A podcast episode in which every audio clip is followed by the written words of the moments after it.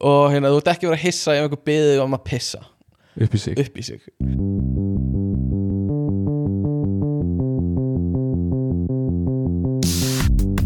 Halló er eitthvað að frétta? Já það er ekkert að frétta. Já það er ekkert að frétta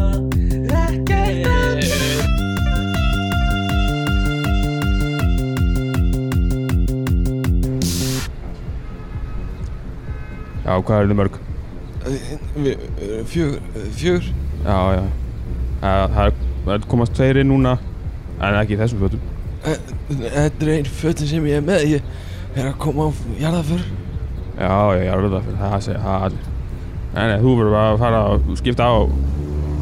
Bara farðu burt. Ég, ég get fara úr þeim bara hérna Ég gerir hvað sem er til að komast inn í annan klúb sko. Ég, bara, ég verði að koma sko. Já, þú ætti að snúa við buksunum Ég, ég snými þeim, ég gera það bara núna sko. Já, bara úr buksunum og snúa þeim við Beint úr þeim, ég komin úr þeim sko. Já, ok Já, farðu þá inn Ok, takk, takk, Já, takk, ok. takk.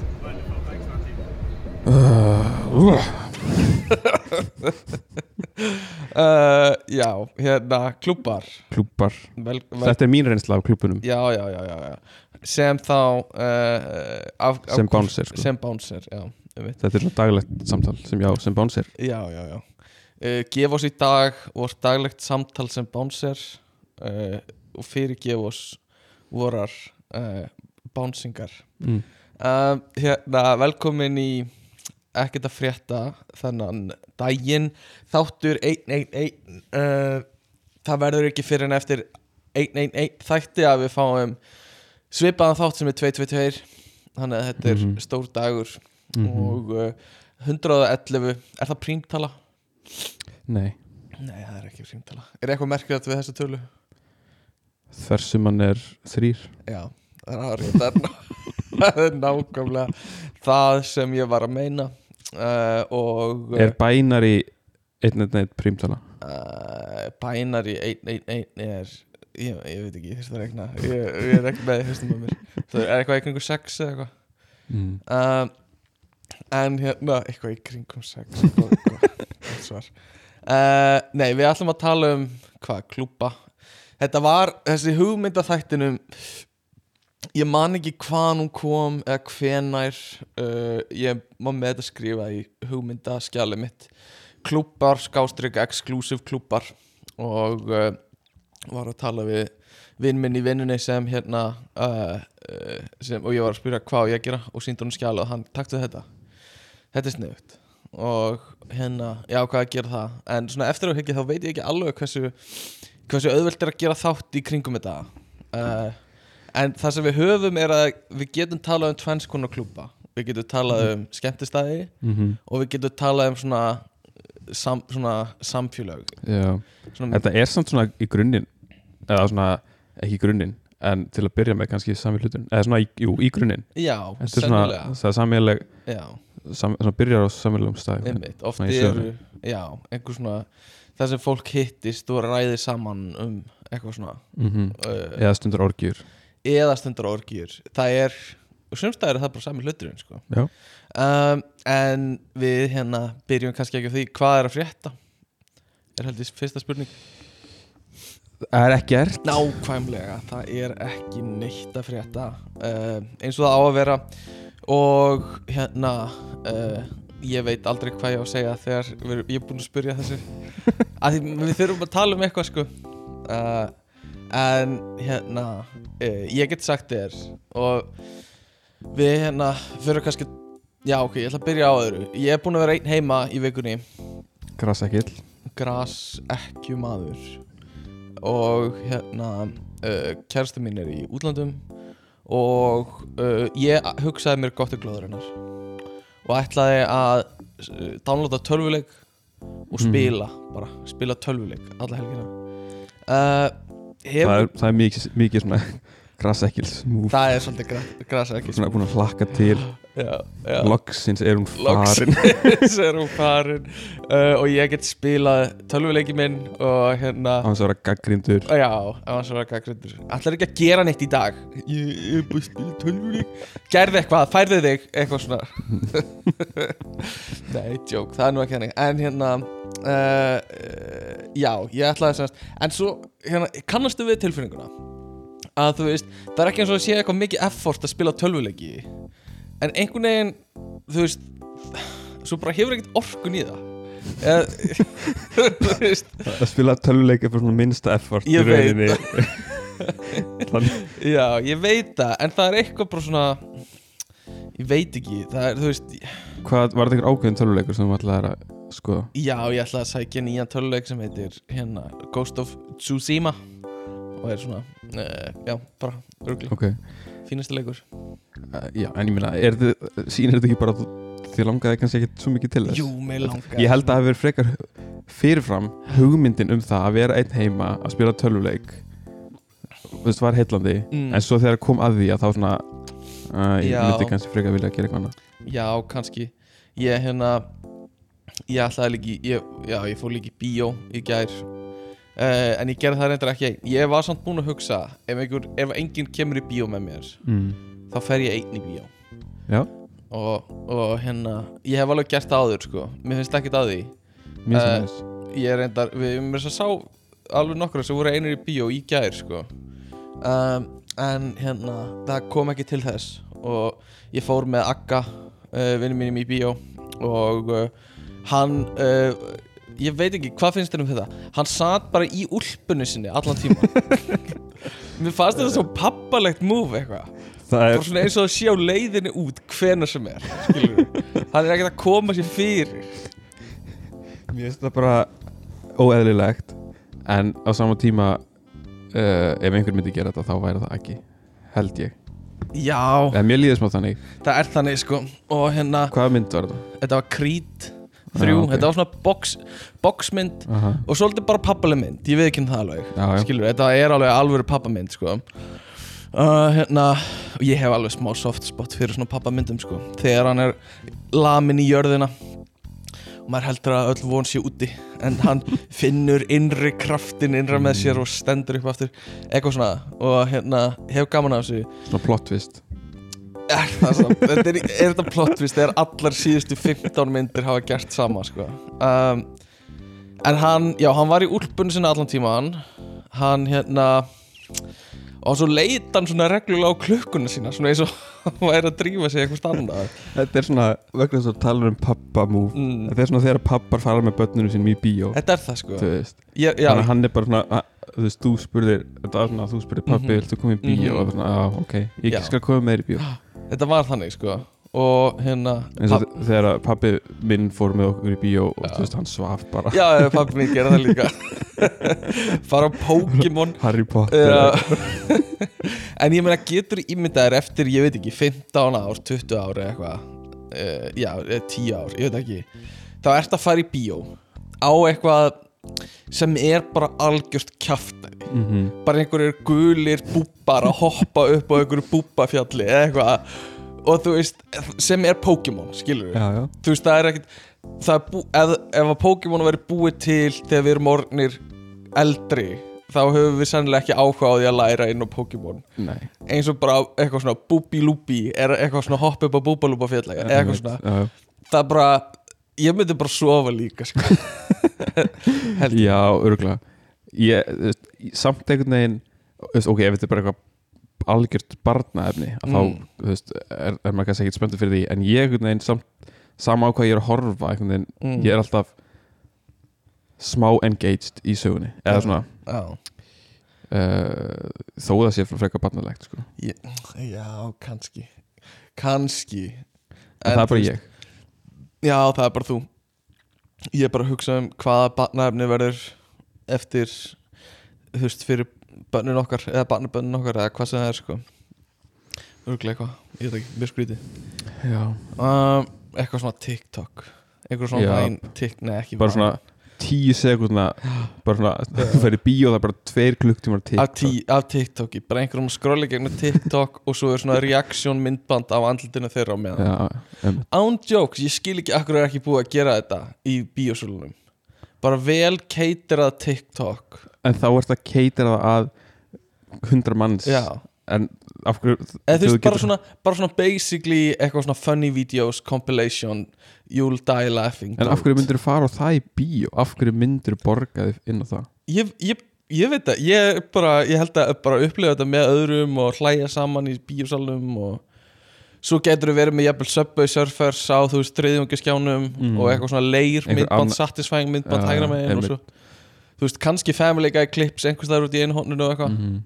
Þú veist, ég, ég bara, finnst skrítið og hljóðið af þessu öllu í gangi saman já, já. eða þú, þetta er svona svo í hérna í, eða, í flugvélunum í gamla dag þegar þú stakst í samband í hérna uh, gaflinum í innstungun og já og, og sem bara vali rás. Þannig að þú ert með allt tjaldið í bíó en búið að skipta því í svona hundra ramma. Já, uh, og svo bara velur rásina og fylgist bara með þeim ramma sem þú vil já, já, já, og fær hljóðið úr því Já. Ég, veit, ég held að ég held að þetta gæti alveg verið svolítið svona framtíðin einhverju góðri dystopíu sko. bara eitthvað svona þú þarft að hafa þúsund til að svona, svona satisfæja einhvern veginn aðteglis mm -hmm. eitthvað hjá þér sko. bara það, það er alltaf verið í gangi um, en hérna já, hvað voru að tala um bíó og undir því voru að tala um ég er einn heima og ætlaði að spila töluleik. Já, mér langaði rosa mikið að spila töluleik. Uh, ég kefti hérna rándýra Playstation 12 sem hefur svolítið fengið að sitja uh, og ég nota hann ekki mikið. Af því ég er bara eitthvað svona að horfa eitthvað So Funny You'll Die compilation number 72 eitthvað svona. Mhm. og svo er ég bara grenjand og hlátri yfir því. Hef enga orku til að spila tölvuleikina mína. Um, Fingurnir eru orðinir þreyttir eftir alltaf svæp já, já. Ég er, já, einmitt. Ég er enda meira í YouTube compilation sko. já, já, En það er þá bara einhver sem er búin að keitara fyrir mig einmitt, Væ, Nei, TikTok mynd einmitt, einmitt. uh, En hérna Kærasti mín er að koma heim í dag Og, og þá er öll Þú veist, þá er komin aftur ástæði fyrir að ég spila ekki töluleik Í kannski, ég veit ekki Einhverjum mánuði. Þannig að ég, ég misti af, af glugganum mínum Já, það kemur næst, það er bara það koma önnur tækifæri. Já, koma dagar, það koma ár. En Vonandi. það eru alltaf einhvert hár. Uh, Já, hérna uh, Já, ég fór í sund í gær. Ég veit ekki, við erum svolítið svona grasping at straws hérna, Mhm. sko. en, Ok, en hvað gerður í staðin fyrir tölvuleikin? Var, var, það bara að horfa á YouTube? Já, bókstálega Mm, já, uh, Nei, ég horfði á hérna Ég var að horfa á Modern Family svolítið mikið í gær. Ok Bara eitthvað svona algjörst drasl. Eftir á að hyggja sérðu eftir því að hafa ekki spilað tölvuleikin Ég sé Eftir kannski að- eftir ég hafa ekki sko sóttan og opnaðan allavega. Og prófa, skilur uh, svo sem sé ekkert eftir að hafa ekki eitt eitthvað úr sex klukkutími í hann. Nei. En þú, en þannig sé. Ef, ef þú hefður vilja eftir á skipta út öllu sem modern family mm, áhorfi fyrir, fyrir tölvuleikin og mikilvægt tölvuleikispil Já. uh, já, já. Heldur þú að væri ánæður með lífið? Ánæður með lífið, betri manneskja. Já, ég man ég var einhvern tímann að rökraði við sameiginlega vin okkar í grunnskóla sem heitir Sindri Pítur um, um hérna uh, og hann var að meina veist, ég, ég hafði einhver svakalega skoðin á þessu. Ég var aðalega bara, bara að taka þátt í þessu mm og, og vera á svona ósamálunum bara til þess að vera ósamálunum -hmm. en hann var svo harður á því hvað tölvuleikir væru hérna góðir fyrir mann. Ok. Hvað er hérna gerðu mikið fyrir fólk? Mm svona viðbraðstíman þeirra og eitthvað svona fín hreyfingar og eitthvað svona. -hmm. og hann bara, hann var bara svo harður á því að hérna hvað hann væri með svo miklu betri viðbraðstíma heldur en allir aðrir að hann spilaði svo mikið í margir CS eða eitthvað mm. og hvenar var þetta? hver var það bara gær þegar voru að ríða svona þetta? Nei, nei, þetta var 2008 kannski eða eitthvað Mm. og hérna uh, og, en ég, já, hann var náttúrulega mikill og góður tölvuleikispilari sko. hann var það sko spilaði mikið hann var, hann hefur líka alltaf verið bara góður í því sem hann gerir já, já hann var, hann var í ólipiskur lyftingu var góður þar. Hann spilaði Það var mjög, og mjög tilengaði lífið sinni gítar hér og nokkur sem er magnað svo var það sko, við vorum mjög, mjög góða vinnir já, Hann var alltaf að fá mig til að hjálpa sér í gítar hér sko. það er hljó, bara, Þegar- bara, gef mér vatn og, og gef mér að borða meðan ég er að spila hérna Through the Fire and the Flames. Nei, sko uh, vegna þess að, hjálp mér í gítar hér þú veist, fyrir þá sem vita hvernig gítar hér virkar þá, hérna eða, fyr- eða sem vita ekki jafnvel, veit það ekki, já að þú veist, þú ert þannig þú þarf tvær hendur, Mhm. önnur er á hálsinum og hinn er að, að þú veist, á strömma hálsinu þínum í svona auto-asphyxiation erotic fixation Já. Nei, á hálsinum og gítarnum og hinn hendin er að, þú veist, svona þykjast, Mhm. hérna, plokka strengina Mhm. nema einhvern tíma þá þurstir þú veist, það var bara það mikið í gangi að það var betra að nota tvær hendur á hendur, hálsin já. og þá var hann að fá mig til þess að að kýtla hérna strengina. Sem eru já, já, sem ég veit ekki hvort það sé svindl sko. það gæti verið sko. Ég held að þegar það ert komin í eitthvað svona rosalega ykti gítar hvernig fórum við að tala um gítar hero? En allavega, ég held að á tímabili að þú ert komin með eitthvað hot streak eitthvað, þá þarft ekki að slá strengina heldur getur bara verið að pikka nótuna. Já, eitthvað svona, já, sem er þannig sé hægt á gítar líka Já. að þú slærð bara nótunar Hægt. strengina Já, með það er puttunæðinum sko.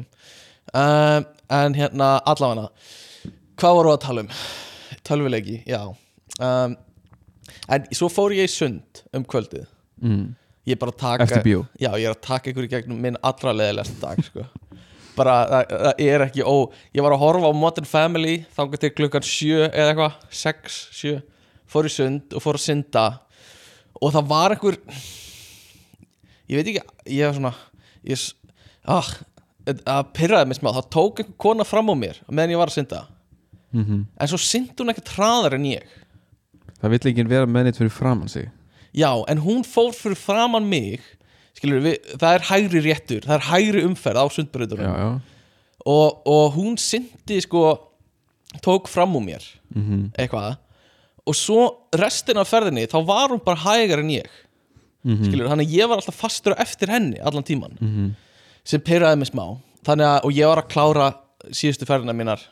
Þannig að í síðustu ferðina minni þá bara tók ég fram úr henni og hérna og, og let hana bara finna vel fyrir því þá sko. hún, henni leið illa? Já, vonandi, eftir það? Já, vonandi og svo horfði ég á hana þegar ég kláraði. Mm og hún labbaði í burtu. Það sem maður á að gera þegar maður lendir í þessu er að fara undir fólk og snúa Já. sér svo þú veist, við Já. og þú veist, Já. er að eiga samtal. Samt, já, bara hvað ert að gera? Ymmit, ymmit uh, en hérna, já, svo sem ekkert merkilegt þar. En ég gerði eitt í vinnu og við höfum talað um þetta. Og það er kannski verðt að segja frá þessu. En ég bjóð til samning sem ég er standandi búið uh, um það að svona lögfræðilegu samningur um að, um að selja mér sálina sína. Og ég er tilbúin að borga hverjum sem er tíu skall ef einhver vil skrifa undir samningi minn uh, og einhverjum myndi segja að þetta er frýr tíu skall ég myndi segja það. Já, þetta er svona Soul Sale and Transfer Agreement. Uh, og hérna já, og bara í rauninni þá lista ég hvað ég meina með sál og hérna segja það bara svona almennt það sem sál er talin vera í svona vestranu, vest, innum vestrana heimi og uh, eitthvað svona bla bla bla. Og uh, býð hverjum sem er tíu skall fyrir að selja mér sáluna sína. Myndir, og þú ert búin að segja við mig að þú myndir mögulega skrifa undir þetta. Ég myndi skrifa undir hennar samning með nokkrum svona breytingum. Já, já, bara orðalagi og eitthvað svona. Já, já, bara svona og viðbútar klausum og eitthvað. Ymmit, ymmit þannig að hérna og, og þetta felur í sér bara að þú mátt nota sáluna innan þangtil og deyrið en eftir þú deyr þá á ég hana. Mm og hérna uh, hinga til hefur enginn í vinnunni vilja skrifa undir sko. Hefur rætt þetta við marga? Ég hef rætt það við einhverja sko. Mm og sumur eru á því að tíu skall sé bara of lítið sem ég finnst áhugavert að þú veist að peninga upp aðeins skiptir á máli. Veist, já, þeir myndi því- vilja meira. Já, að, en þú veist að, en ef þú myndir vilja þetta einhver tíman Mhm. þá er, er hugsunum mín skilur þá þá hlýtur að vera að hugsa að sálin er ekki til. Eða þú veist, þeir vilja kannski bara miklu, miklu, miklu meiri pening. Þeir vilja kannski bara þú veist, 10 miljardar eða eitthvað. Ég held Það- að einhverju voru bara 100 skall eða Já, það er alltaf engin munur á 10 skall 100 skall Nei, í þessu samingi Ég segi það, skilur við að akkur myndir ekki vilja frían 10 skall ef þetta er þannig í þínum huga? Já, já. en þú vilt 100 skall. Fólki finnst þurfa bara svona eins og þú veist, í sko þessu verðbólgu samfélagi sem við Mm. lifum í að þá er 10 skall, hann er bara ekki lengur neins virði sko. Nei, nei, nei en, en það sem ég svolítið væri svona kannski að banka svolítið inn á væri að þú veist ég, ég myndi kannski fá segjum tíu manns til að Mhm. selja mér sáluna sína á tíu skall mm. og svo bara eftir 20 ári eða 30 ári eða eitthvað Mm. þá fæ ég símtal og það er einhver bara ég, bara, ég er ekki búin að geta hægt að hugsa um þetta. Mm. þú veist, manstu þegar við skrifum undir svona samning? Bara ég, ég, ég hérna sé svo eftir þessu. Ég þarf að fá þetta tilbaka. Og þá er ég í prím stöðu til að samlingstöðu þá og hérna, og þá er þú veist náttúrulega, þá get ég selt þetta á kannski ígildi miljón eða eitthvað tilbaka sko. Mm. um, eða að þetta gleymist bara skilur og engin gera það er annarkvort það er annarkvort uh, en, en við höfum rætt þennan, þennan sálarsamning svolítið mikið.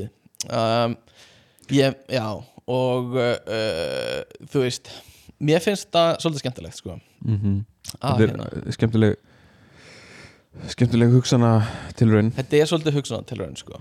Bara hvað hva, veist, þýðir þetta fyrir mig Mhm. og eitthvað svona. Hvers virði er sálin já, ef hún er til. Hún er til sko. Og hvað, og hvað er hægt að gera við sál eh, sem þú færð? Já, já, já, já, er, já hvað get ég gert við hana? Uh, get ég eitthvað gert við hana einhvern tímann? Mm. uh, ég, svona þú veist, ég get notað hana kannski sem uh, þú veist, já, ég veit ekki. Kannski er eitthvað kraftur fólgin í sálinni sem ég get notað. Mm eða þetta sé þannig að þú veist, í þegar þú ert dáin og í einhverju svona eftir lífs heimi þá hef ég fulla stjórn á þér sko. -hmm. og þú veist, þú þarft að gera það sem ég vil sko. Eða ekkert gerist, það er líka hinn svona, Mhm. hinn póllin á sig en og, ok, pæl, ok, ég er búin að spyrja margra spurninga út í þetta -hmm. hér er einn sem ég var að í núna ef að ef að hluti af sálinni er það hvernig manni líður Mm -hmm. Uh, og þú átt sálina mína. Uh, þú veist uh, hef ég aðgang að henni? En, eh, og segjum að þú látum mig gera eitthvað sem að venjulega undir venjulegum kringustæðum myndi láta mér líða illa. Mhm. finn ég þessa neikvæðar tilfinningar ef að þú ert með sálina mína? Ég, ég, ég býst við að þú sért bara þú sko. uh, ég, held að það sem ég tók, ég gerði var að ég tók skilgrinningun og sál af Wikipedia mm -hmm. og sagði að þetta inniheldur allt þetta og mögulega meira. Mm og Wikipedia vil meina að hérna þetta er sko einhver svona essence af living being og uh, og hérna uh, þetta inkludar identity, personality and memories that is believed to, to be able to survive our physical death. -hmm. ég er bara vegna þess að hluti af samningnum er sko eða samningurinn heitir eitthvað soul, sail and uh, eitthvað transfer eða eitthvað. Já, þú veist sem því er að sálin er hjá þér ef ég er að, þú veist, sálin er flutt til þín. Mm þannig að ég er að pæla hvort að ég hafi ennþá aðgang að henni. Þú veist uh, þú veist mun ég finna einhverja tilfinningar unverulega sálrænar tilfinningar ef ég hef ekki aðgang að sálinu minni? Já, það maður, maður spyr sig sko. Og ég, ég, þú veist, ég er svolítið bara spenntur að komast að því hvað þetta mun þýða þegar við deyjum sko. Mm -hmm. og það er í rauninni ekkert fyrir en þá sem það kemur í ljós sko, hvað það þýðir. Um, en ég veit ekki kannski er þetta mjög óáhugavert fyrir fólk sem er að hlusta okkur að tala um þetta. En hinga til er engin vilja að beint skrifa undir strax en sjáum hvernig það þróast Mm -hmm. hvort einhver muni vilja gera það núna. Um, svo eru líka svona mikilvægt fólk að koma frá bandaríkjunum í vinnuna mína. Þannig að kannski tek ég þetta niður í næstu viku. Þannig að þau sjá ekki eitthvað hangandi uh, þetta sko gæti verið svolítið sk- skrítið. En er það, fólki sem er að koma hmm. Er það ekki allt fólk sem er nú þegar búið að selja sál sína kannski? uh, já, bara að því bara í gegnum eh, eitthvað annað Já, er þetta ekki svona Bus- fó- svona business fólk og eitthvað? Pottet, já. Það er, það er engin business manneskja sem er ekki búin að selja Nei, sál sína. það held ég ekki sko. Nei, ég held að. Um, Allavega, uh, eitthvað sem þú vilt tala um þessa vikuna, mjög boring vika hjá þér? Já, hún var bara mjög boring og bara, þú veist, vinna. Já, leðilegt En samt, þú veist, ekki að mikið og þú. Nei, þú ert í þægilegri vinnu hana. Já Já, Já, ég nýtt lífsins meir en þú. Já, gera það. Þú ert náttúrulega ekki 100% Nei, Þú ert í, þú ert í vinnutíma sem ég vil að allir séu í Mhm. basically, mm sex, dag, sex tímar á dag basically, já. Sem það á að vera sko. um, Allavega uh, þá nenni ég ekki að dvelja við þig af því þú ert svo, lifið svo leiðilegu lífi Já, uh, En var eitthvað eitthvað í fréttum í vikunni? já það má nálega segja það Mm. Það var náttúrulega Óskarinn. Óskarinn var. Uh, Óskarinn var á sunnudaginn uh, Já, sunnudaginn fyrir viku. Já, Svona, já. Uh, Og hérna og Þar er svona það sem er mest rætt og ritað um mm. er uh, Hugh Grant. Að, að því hann er svo leiðilegur. Hann, hann var svo leiðilegur í einhverju viðtali mm og uh, hann var spurður spurninga eins og veist, hvað lakkar til að sjá hérna á. Óskarnum, þetta var fyrir, samt, áður en afhendingin Mhm. eða samt, uh, Mhm. aðtöfnin Já. byrjaði uh, og hann sagði bara ég bara, mér er eiginlega bara saman bara, þú veist, ég er ekki spenntur fyrir neina hérna. uh, Fyrir mér er þetta svolítið eins og við komum í hana þátt og segjum bara ég nenni ekki að tala um neitt já, Þú ert hana svolítið til þess að að ég veit ekki, þarft ekki bara að fara í einhvern smá karakter og bara jú algjörlega en hann er bara búin að vera í þessum karakter of lengi og bara, veginn- orðið þreytur bara nettið ekki. Mm, uh, eða bara slæmum dagur og hún er bara kannski bara alveg sama. Mm, veist, fyrir honum að það bara þó hann kom eitthvað illa út úr einhvern veginn viðtalið þú veist, það er ekki að fara að breyta hann nei, uh, en já. Uh, og hérna hann var eitthvað spurður út í fötin hans. Mm og hann var bara þú veist, ég er bara í fötunum mínum. Þú veist, ég er bara í jakkafötunum mínum. Já, já, já. og hérna ég veit ekkit hver hann aðeins eða neitt. Nei, um en þetta var sem sagt uh, Þú veist, ég skil hann alveg. Þú veist, ég mynd alveg Þú veist, ég get alveg sé sjálf mig gera þetta einhvern tímann ef ég er orðin mjög þreyttur á þessu sko. já, þetta er náttúrulega bara boring spurningar Já, sem allir eru spurður að. En ég meina þú getur alveg feikað það í eða bara mínútur. að mæta að þú ert í hann, svona hann lélega skapi. hlýtur að fá borga fyrir að mæta. Er það fær þetta fólk ekki bara kannski. borga fyrir allt sem það gerir? Er, Já, ég veit það ekki, jú, kannski. Eða þú veist, þegar þú ert komin á þennan stað kannski, I don't know, mm, eh, kannski þeir sem eru svona að byrja að koma sínu fyrsta, fyrsta óskarsvölun Já, er bóðið, en vegna þess að þú veist, honum var ekki hann var ekki að fá neina tilnefningar já, held ég eða nokkuð, nei ég held þannig að hann var sko. ekki að fara, fara þú veist, mögulega að vinna neitt. Já, allavega, svo horfði ég þú veist, fyrst las ég eitthvað um þetta, svo horfði ég á viðtali og það, mér fannst þetta ekki svona kannski jafn slæmt, slæmt og- eins og þú veist Nei. hérna eins og þú veist textin sem ég las á MBL og Já. búin að tala um. En, en mm, í framhaldi Já, þá er hérna uh, uh, er MBL með sem sagt fjórðu mest lesnu fréttina sína í Mhm, vikunni. mhm. sem ber fyrirsögnina byrti nektarmynd eftir atvikið með skúrkinum. Vá. Og skúrkurinn er í gæðsalöpum mhm, uh, og það er sem sagt þessi sem að byrti nektarmyndina. Mhm. hún er það samt konan sem tók viðtalið við. Já, uh, en þú veist á Instagram Berti, eða, þú veist hérna en þú veist þetta er samt tengist ekkert viðtalinu. Býtu, ok, ég, það, býtu, ha. Þannig að ég skilja þetta rétt. Það er semst einhver kona sem tekur við Hugh Grant. Já, Hugh Grant er leiðileg við hana já, og eitthvað bla bla bla. Svo kemur önnu frétt sem er byrtir nektarmynda sér uh, eftir viðtal e eitthvað eh, eftir við- atvikið með skúrkinum. Atviki með skúrkinum. Og þá er bara fréttin um það að þessi kona sem tók viðtalið byrti nektarmynda sér á Instagram já, og, uh, og, og það er tengt við Hugh Grant sem skurkurinn af því hann var leðilur í viðtalinu. Já. En þú veist, þessar nektarmyndir, ég held að þær tengist viðtalin ekki neitt. Á engan hátt. Nei. það er ha, þetta er, já. En þú veist, þannig að Þú veist, ei, já. Þú veist, ef að við, segjum að viðtalið hefði bara verið eðlilegt viðtal já, þá hefði þessar nektarmyndabyrtingar hjá þessari konu ekki ekki skipt haft, þú veist, nei, ég held ekki.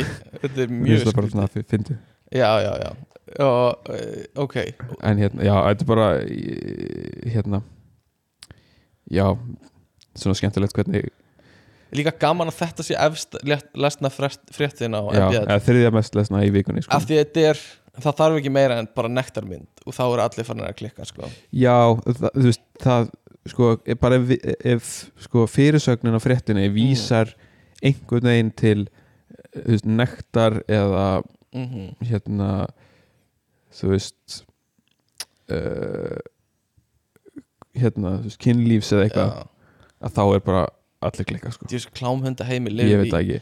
Þú veist, áttundal mest lesna fréttin í vikunni er ætlaði er nakin í sund. Mm -hmm. og þetta er bara svona dæmingir frétt þú veist, það sem að það sem að, þú veist, svona hérna, dagbók lauruglunar svona, Ég skil. Þetta er bara svona hérna, lauruglunar höfuborgarsæðinu hafði afskipti af gesti sundlaugarinn í Breiðholti sem ætlaði að fara í sund en ekki með sundfödd og vildi ekki borga. Og honum var að vísa frá og málið búið. Þetta var á uh, venjulegum tíma þá, eða sundlegin var opinn já, ég býstu því já, eða þú veist mm já, Af hverju, ha? Ok, ok, ok. Uh, eða kannski er þetta eftir, kannski hann að brjótast inn ég, Nei, sannlega ekki. Já, hann vildi ekki, vildi ekki borga. En hvað gengum manni til þannig? Þú veist, að vilja fara nakin í sund? Uh, kannski Segðu mér hvað varst að hugsa þegar þú varst að gera þetta. Uh, þú veist, það sem ég var að hugsa mm. er, þú veist þetta er bara eins og sánurnar, þú veist, í Finnlandi eða eitthvað, það fyrir bara nakin í einmitt þannig að ég hugsaði bara ég þarf ekkit sundföt. Nei, það er nú svolítið gaman að fara í sánuna þannig í breiðhalslaug af því það er kynjaskipt sko. Og mm. það getur maður að fara nakin sko. Já, þú getur það alveg sko. Um, og það gera það held ég einhverjir. Mm en já, ég veit ekki. Þú veist, það er er ekki eðlilegt að vilja vera í eða veist, að hafa sundskilur eða, jú, eða, veist, mér finnst það jú, ég veit ekki ég veit ekki mm. er kannski einhvern tímann í framtíðinni heldur að það muni breytast og bara svona nektir orðin það normalisir ég gæti alveg trúa því ef þú ert, veist, ef að einhverjum löndum eins og bara Finnlandi eða Mm. eiginlega svona í Evrópu þar sem er, eru svona sánumenning Mhm. Þar fer fólk nakið í sánuna já, bara í, í bara ekki kynjaskipt, bara allir eru Já, bara já. eins og, já, og, og fólk er ekkert eitthvað endilega að fela sig eitthvað, nei, þú veist það er ekkert að sína sig heldur. Nei, en, en reyndar, ég hef einu sinni farið í svona sánu og þá það var svolítið dimmt inni. Mhm. Og þú veist uh, en það var heldur engin eitthvað að horfa Nei. veist, heldur að komi reglu upp, þú gerir þetta í Pólandi ef ég mann rétt, Tjekklandi heldur að sé, komi reglu upp einhver svona perra uh, atvik? Heldur að sé bara gæti alveg verið. Það get, já, einmitt. Ég veit ekki ég, mér finnst, ég veit ekki alveg hvernig mér finnst þróunin á svona líkams uh, uh, dóti vera sko. Mm að einhverju leiti finnst mér að vera að þróast í opnara samfélag. -hmm. þannig að allir geti verið bara eins og þau vilja. Mm en svo öðru leiti finnst mér að vera að þróast í lokaðara þú er svona meðveitundum einhvern veginn að taka tillit til þess fólk sem líður ítla með það -hmm. og eitthvað. Já, uh, já, einhverju leiti já. já, ég veit ekki. Ef þú ert ekki skadan þá ættir að geta eh, býst við. Já, ég veit ekki. Allavega, hvað er það mér finnst, já, mér finnst ég svolítið vera bara að reyna að búa til mat úr engu hérna. Uh, uh, en en hvaða fréttir hérna er fréttablaði með. Ég var að skoða fréttablaði, þú varst að skoða BL mm -hmm. og þá er svo sem ekki drosa mikið sem, sem ég sé hérna hjá fréttablaðinu annað en bara eitthvað tengt Óskarnum um að, um að Morgan Freeman hafa verið með hanska á Óskarnum. Já, uh, af hverju var hann með hanska? Uh, sko, Fríman lendi í alvarlegu umfyrirslýs árið 2008 þegar bifrið hans fór út af hraðbröta Mississippi og fór í þrjár veldur um var að ræða nokkuð alvarlegt slýs og slasaðist Fríman illa á vinstri hönd í slýsinu uh, Eftir slýsið hefur Fríman notast við sérstakka gerð af hanska vegna taugaskaða sem hann varð fyrir. Hanskinn stuðlar á auknu blóðflæði fram í höndina og þá er hann sagður stuðla að betri hreyfigetu en ella. Mm, Þannig að ok. eitthvað svona bara, En þetta gerist 2008 Já, uh, Er hann búin að vera hanskan síðan þá? nei, ég hugsa að hann setja hann bara á sig svona öðru hverju, Nei, ég meina, eða, hann er búin að vera með aðgangað sem hanska síðan sennilega. Þá En þú veist, er það bara komast í fréttir núna? Já, ég býstu því, kannski hefur hann vanalega tekið hann af sér þegar hann kemur fram ofinverulega og núna er hann bara orðin kannski það gamall eða eitthvað að þetta hjálpar honum ekstra mikið. Uh -huh. uh, Ekki beint mig, merkileg frétt að mínum að því Ekki beint. Uh, og annað sem er í fréttum er tengt uh, hinnu fræga uh, kvarfi á Madeleine McCann Aha. Sem kemur alltaf, poppar alltaf reglulegu. Mm um að þessi ný stelpa sem er talin vera Madeleine McCann -hmm. eða Nú er það einhver stelpa í Pólandi mm, Já, nú er það einhver já, ung stelp, kona stelpa eh, sem, sem eh, er frá Pólandi og heitir Julia Vendel eh, og hefur einnig gengið undir nafninu Julia Faustina eh, sem er skemmtilegt. Eh, og það sem er áhugavert við hana er að allar, það er ekki til neinn sjúkragagn um hana frá því fyrir fimm ára aldur. -hmm. Það er svolítið áhugavert. Já, grunnsamlegt Það er grunnsamlegt sko. Jafnvel. Og hún er svona grunnsamlega lík. Alveg, segðu þið sko. Grunnsamlega líkani uh, Svipaður auglitur og allt það. -hmm. Allt þetta mikilvæga hana. Uh, Og fóreldrarinn eru búin að samþekja að fara í, í erðaransók Svona fóreldrar Madeleine. Madeleine sko. Um, En fóreldrar þessara pólsku stelpu Já, Þau vilja ekkert með þetta mál hafa. Ég, já eh, það stendur samt ekkert um það í þessari frétt Nei, sko. þetta bú, þú veist, það er búin að vera nokkra fréttir um þetta sko. Já. Og þá las ég eitthvað svona að þau vilja ekkert ræða þetta. Ok, þú veist þá kannski meira um þetta að Því þessari, samkvæmt þessari frétt sem ég er með þá vantar svolítið kontekst sko. Mm -hmm. Þú veist, hver er að uppgöta hana? Er það þessi engaspæri, það talaði um einhvern engaspæra Já, mér, er stókslega að finna að kalla það enga spæjari spæri sko. En að Íslandingum vantar greiðlega bara eitthvað orð fyrir hérna PI Já, uh, já. Hérna Private Investigator. Mhm. en það er sko enga spærin Dr. Fia Johnson eh, Jonasson um, sem hefur rannsaka máli undirfarna vikur og segist svo virðast sem Julia hafi ekki verið til þessi fyrstu fimm ár. Mm sem er grunnsamlegt sko. Já, já, algjörlega. Um, og fóreldrar þessar, þessar þetta er svolítið eins og bara þetta er, svolítið eins og einhver myndi bara koma heim til þín bara núna eða eitthvað, eða hvar til mömmuðinar eða þú veist eitthvað. Og bara, ég held að Björgvin sé sonur þessara fólks hérna sem er í sko, hérna sem býr í Íslandi eða eitthvað. Og bara það grunnsilegt að Björgvin var aldrei lagður inn á spítala fyrstu árunars uh -huh. kom ekkert fyrir hann, eitthvað svona bara upp á þurru er einhver stelpa valin mm til þess að vilja. en þegar, þegar það talaði um engin sjúkragögg já, uh, Ok, það er ekkert sagt í þessari frétt En þú veist hvað, er ekkert, ekkert fæðingavottorð? Ég býst ekki við því. Eða þú veist, það er er álíktunum sem maður myndi draga af því það er kannski ekki það, skrítið ef að þú veist, þú þarft ekki að leggja barnið eitt endilega inn á spítala fyrstu fimm árin. Já, eða fara með það á spítala eða eitthvað. Einmitt. En samt, þú veist, það er náttúrulega hljóta að vera fólk þurfa að gera alls konar sko, skoðanir á bönnum Þú veist, það er svona reglulega einhverjar já, barna skoðanir en ég get alveg séð að einhverju fóreldrar bara nenniði ekki Já, eitthvað. já, mögulega. Um, og þá bara þá ert þú bara tekin fyrir og bara settur í fjölmjöluna og eitthvað. -hmm. En hún Ok, ég veit ekki hvort sé bulla En mér, mér minnir að ég hafi lesið að þessi pólska kona Já. hafi, að hún hafi eitthvað svona postað fyrst eitthvað á Instagram að hún hafi hald, að hún haldi sjálfa að hún sé hérna dóttirinn dóttirinn, Já. þessi Madeline vegna þess að hún eitthvað hérna ég veit ekki uh, heyrði fóreldra sína þessan pólsku fóreldra sína mm. eitthvað svona vera að tala eitthvað svona ok grunnsamlegt um Madeline eða eitthvað svona mm. Eða eitthvað um það hérna að það hafi tekið hana þegar hann var unga eða eitthvað. Eitthvað sem hann átti ekki að heyra eða eitthvað. Koma, taka Væri, taka einn já, einmitt. Það væri það, ég myndi alveg segja að þetta væri frétt ef það kæmi ljós að þetta væri hún. Ég myndi segja að þetta er alveg mörkunum að þetta sé frétt upp að því sko. Já, en ef það kemur í ljós að þetta er hún mm.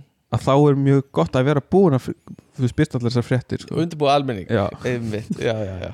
Uh, en ég er ekki langt líklegast að bara, fyrir miður er hún ekki bara dáin uh, Jú, rúglega líklega líklegast. Já. grei, grei stelpan. Uh, og svo lí- lágu fóröldrann er grunn hann ekki sem hann á mitt en ekki takt að sanna. Um, ég veit það ekki. Það var alveg spennandi sko að koma staði að hún væri fundin. Þetta hefur náttúrulega verið svona á uh, einhvern veginn í, í uh, heilanum hjá öllum mm -hmm. í hennu vestarna heimi í einhverja ár sko. Það er svo áhugavert sko. Ok, þetta er ein stelpa sem hvarf. Já, Þess að eru væntalega miklu fleiri börn sem hverfa. Já. Mhm. þe bara þessi eina stelpa er búin að vera ótrúlega ábyrjandi já, einmitt. Það er svona fyndi hvernig velja bara hvernig bara svona valið einhvern veginn þú veist, eitthvað sem fær óslega mikla aðtekli mm -hmm.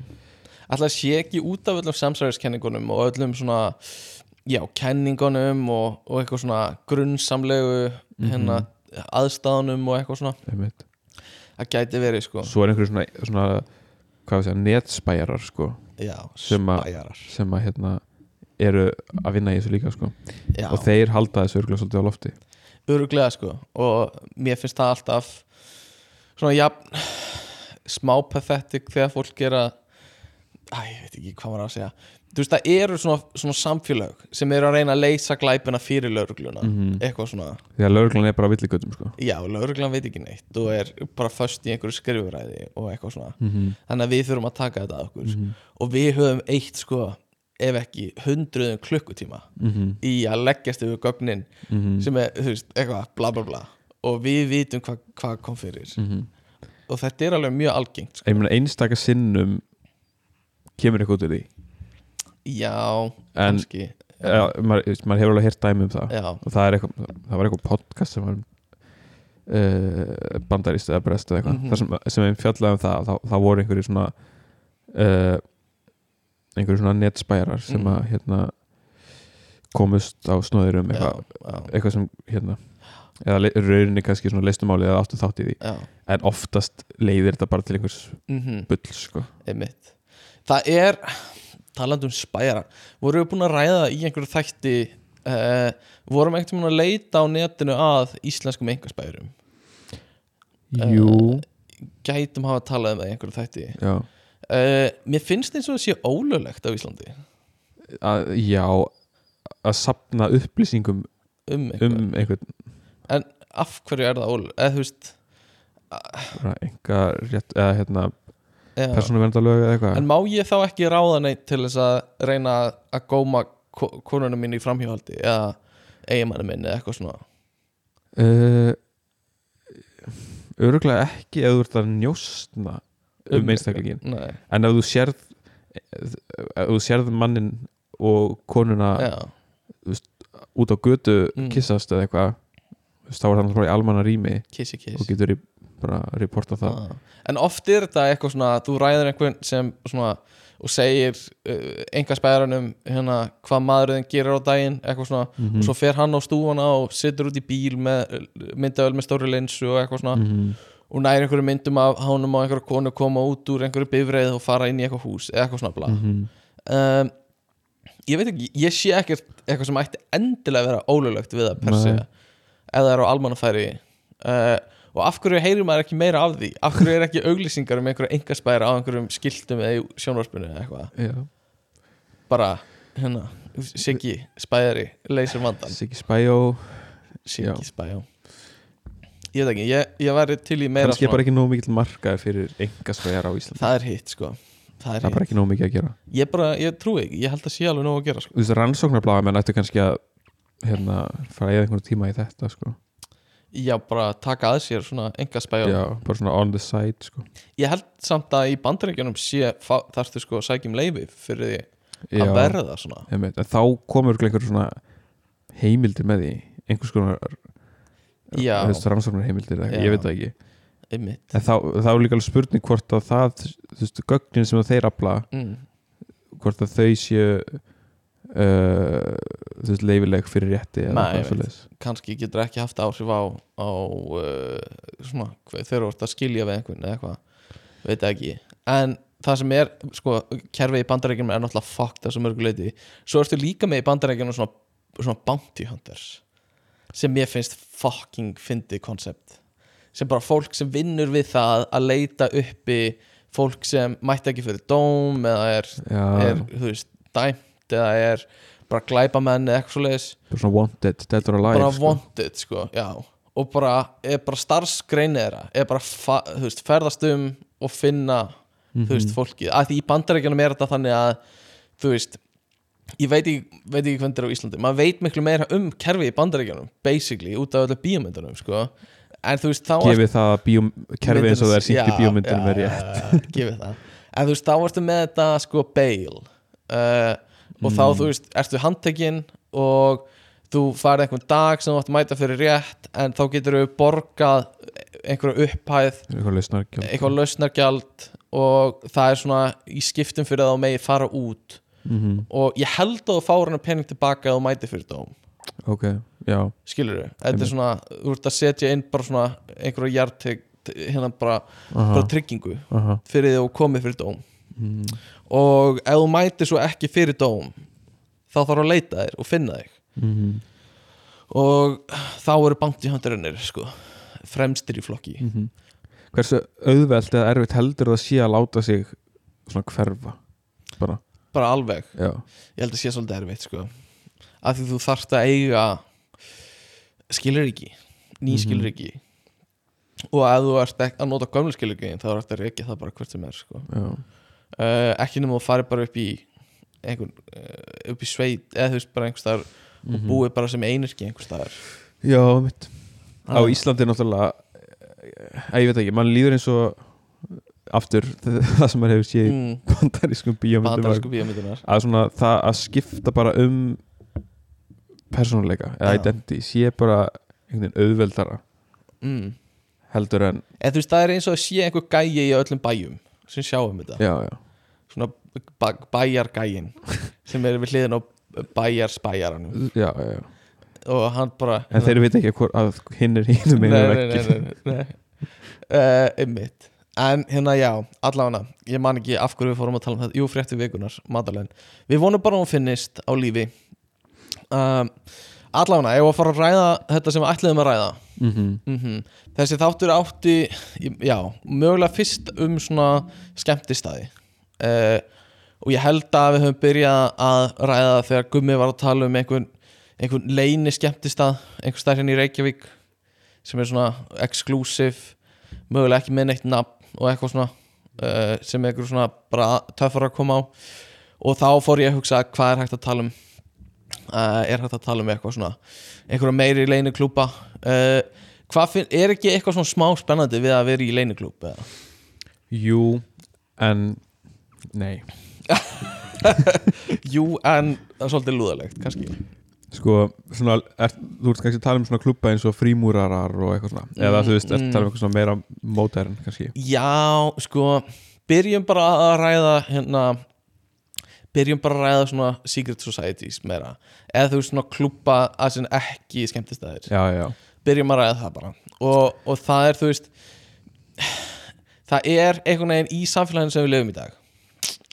Þá er einhvern veginn svona það eiga áenginn að vera skilur mm og þú veist það eiga allir að fá að vera með -hmm. og það er svona PC að leifa öllum að vera með sama hvað hver það er mm. uh, en það er samt eitthvað við það að vera í svona exclusive hérna uh, svona exclusive uh, félagskap sko, Mm. sem þú veist að fá ekki allir að vera með í og þú ert þannig af því þú ert þú skilur Mm en svona mann finnst samt alltaf eins og að þegar á hólminn er komið mm. ja, ok, ég hugsa bara um hérna ek, þú ert kannski ekki að tala um þetta en ég hugsa bara um eitthvað svona það sem eru heyrt um eitthvað svona frímúrar Já. og bla bla bla Já, uh, og fólk er alltaf eitthvað svona og sérstaklega sem maður var yngri og var að heyra um þetta Mhm. eitthvað svona, einhvern enga, Oh klubbar Og hvað og gerist það? Veit ekki hvað gerist svona, hvað er þeir að gera það inni Hvað er þeir að gera það? Hvað er þeir að gera? þeir eru bara kallar og hvað er þeir að gera það inni. Og svo þú veist, þeir eru ekkert að gera neitt merkilegt Nei. þeir eru bara að skipleika næsta fund Já, já, já.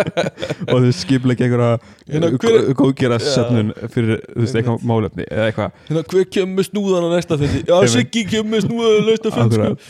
þú veist, þannig að ég held að, að þú veist, það að þetta sé leynilegt mm. er það sem að þú veist, þú veist, þetta snýst allt um það að halda þessu svona þessum leynileika Já, yfir þessari áru já, yfir starfinu sem er í gangi í þessum klubum sko.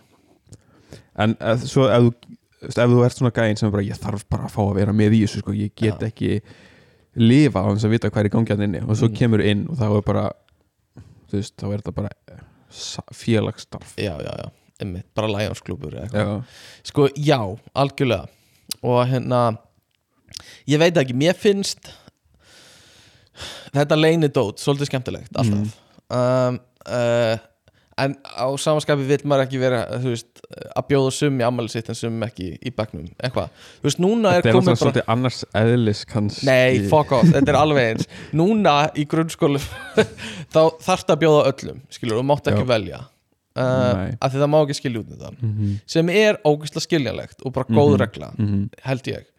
Um, en, en, en hvað þú vilt bjóða öllum frímúrar að vinnaðinum í amalið þitt skilur þú -hmm. uh, veist, mátt, getur þú búið til svona hver, hvernig getur þú svona hvernig myndur þú geta gert það? Eða þú veist, þú, þú veist þetta er, þú þarft einhvern veginn bæði að vera inclusive en svo líka eitthvað gaman við það að vera exclusive sko. Já. Það er, þú veist, svo lengi sem kannski uh, Ég veit ekki Ef þetta er sko hm, Ef þetta er félagskapur og það er alveg svona skýr inntöku skilir Já, já. og það er bara mjög skýrt já, og gegnsætt ferli Mhm. hvernig þú kemst inn já. og hvort þú komist inn mm, þá er það kannski þú veist, allt í lægi, þannig sé mm uh, svo lengi sem þetta er en þó þetta séurinn alltaf þannig en þú veist, helst ekki einhver svona gethótt ákvörðun einhver svona bara neða þú ert ekki nógu skemmtilegur. Já, já, já, og sérstaklega þegar það eru börn. Já, já, já, já. uh, þú ert í skrýtnum fötum. já, en þú veist nú veit ég ekki hver indökuskilirinn eru í hérna þú veist, frímúrarregluna eða eitthvað. Eins og ég skilda kannski, já, og ég held að mottoið er að sé eina sem þú þarfst að gera er að spurja sko. bara má ég vera með? Já.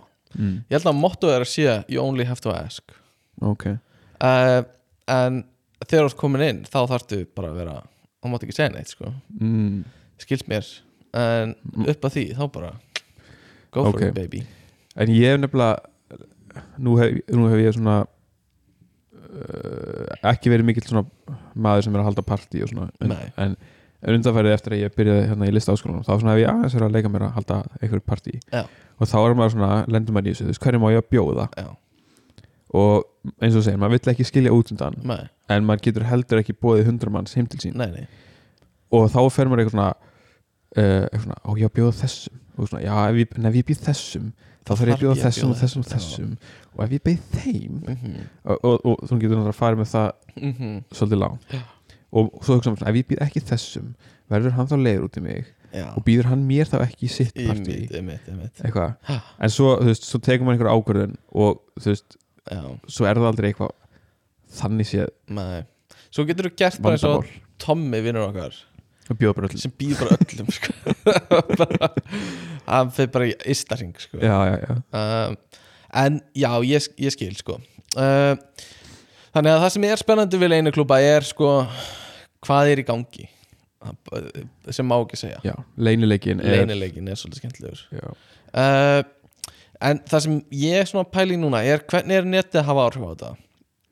Þú veist, getur maður ekki fundið þessar upplýsingar einhver staðar? Það er öruglega einhver búin að uppljóstra um það. Já, það er það sem ég finnst svo skrítið en, en það verður alltaf einhver öruglega einhverja svona sögusagnir. Mm, því að það er aldrei einn annar tilbúin að staðfesta það. Já, þú meinar. Já, ég veit það ekki. Mm, já, það gæti verið nema ef að tveir hérna segja sömu frásögnuna þá er það kannski sterkari einmitt þetta er svolítið svona eins og hérna í vístakirkjunni þú veist, þá ertu með level mm og þá hækkar alltaf um level og fær þá meiri upplýsingar sko mm og frekari dítela um hvað er í alvörinni í gangi í heiminum sko. -hmm.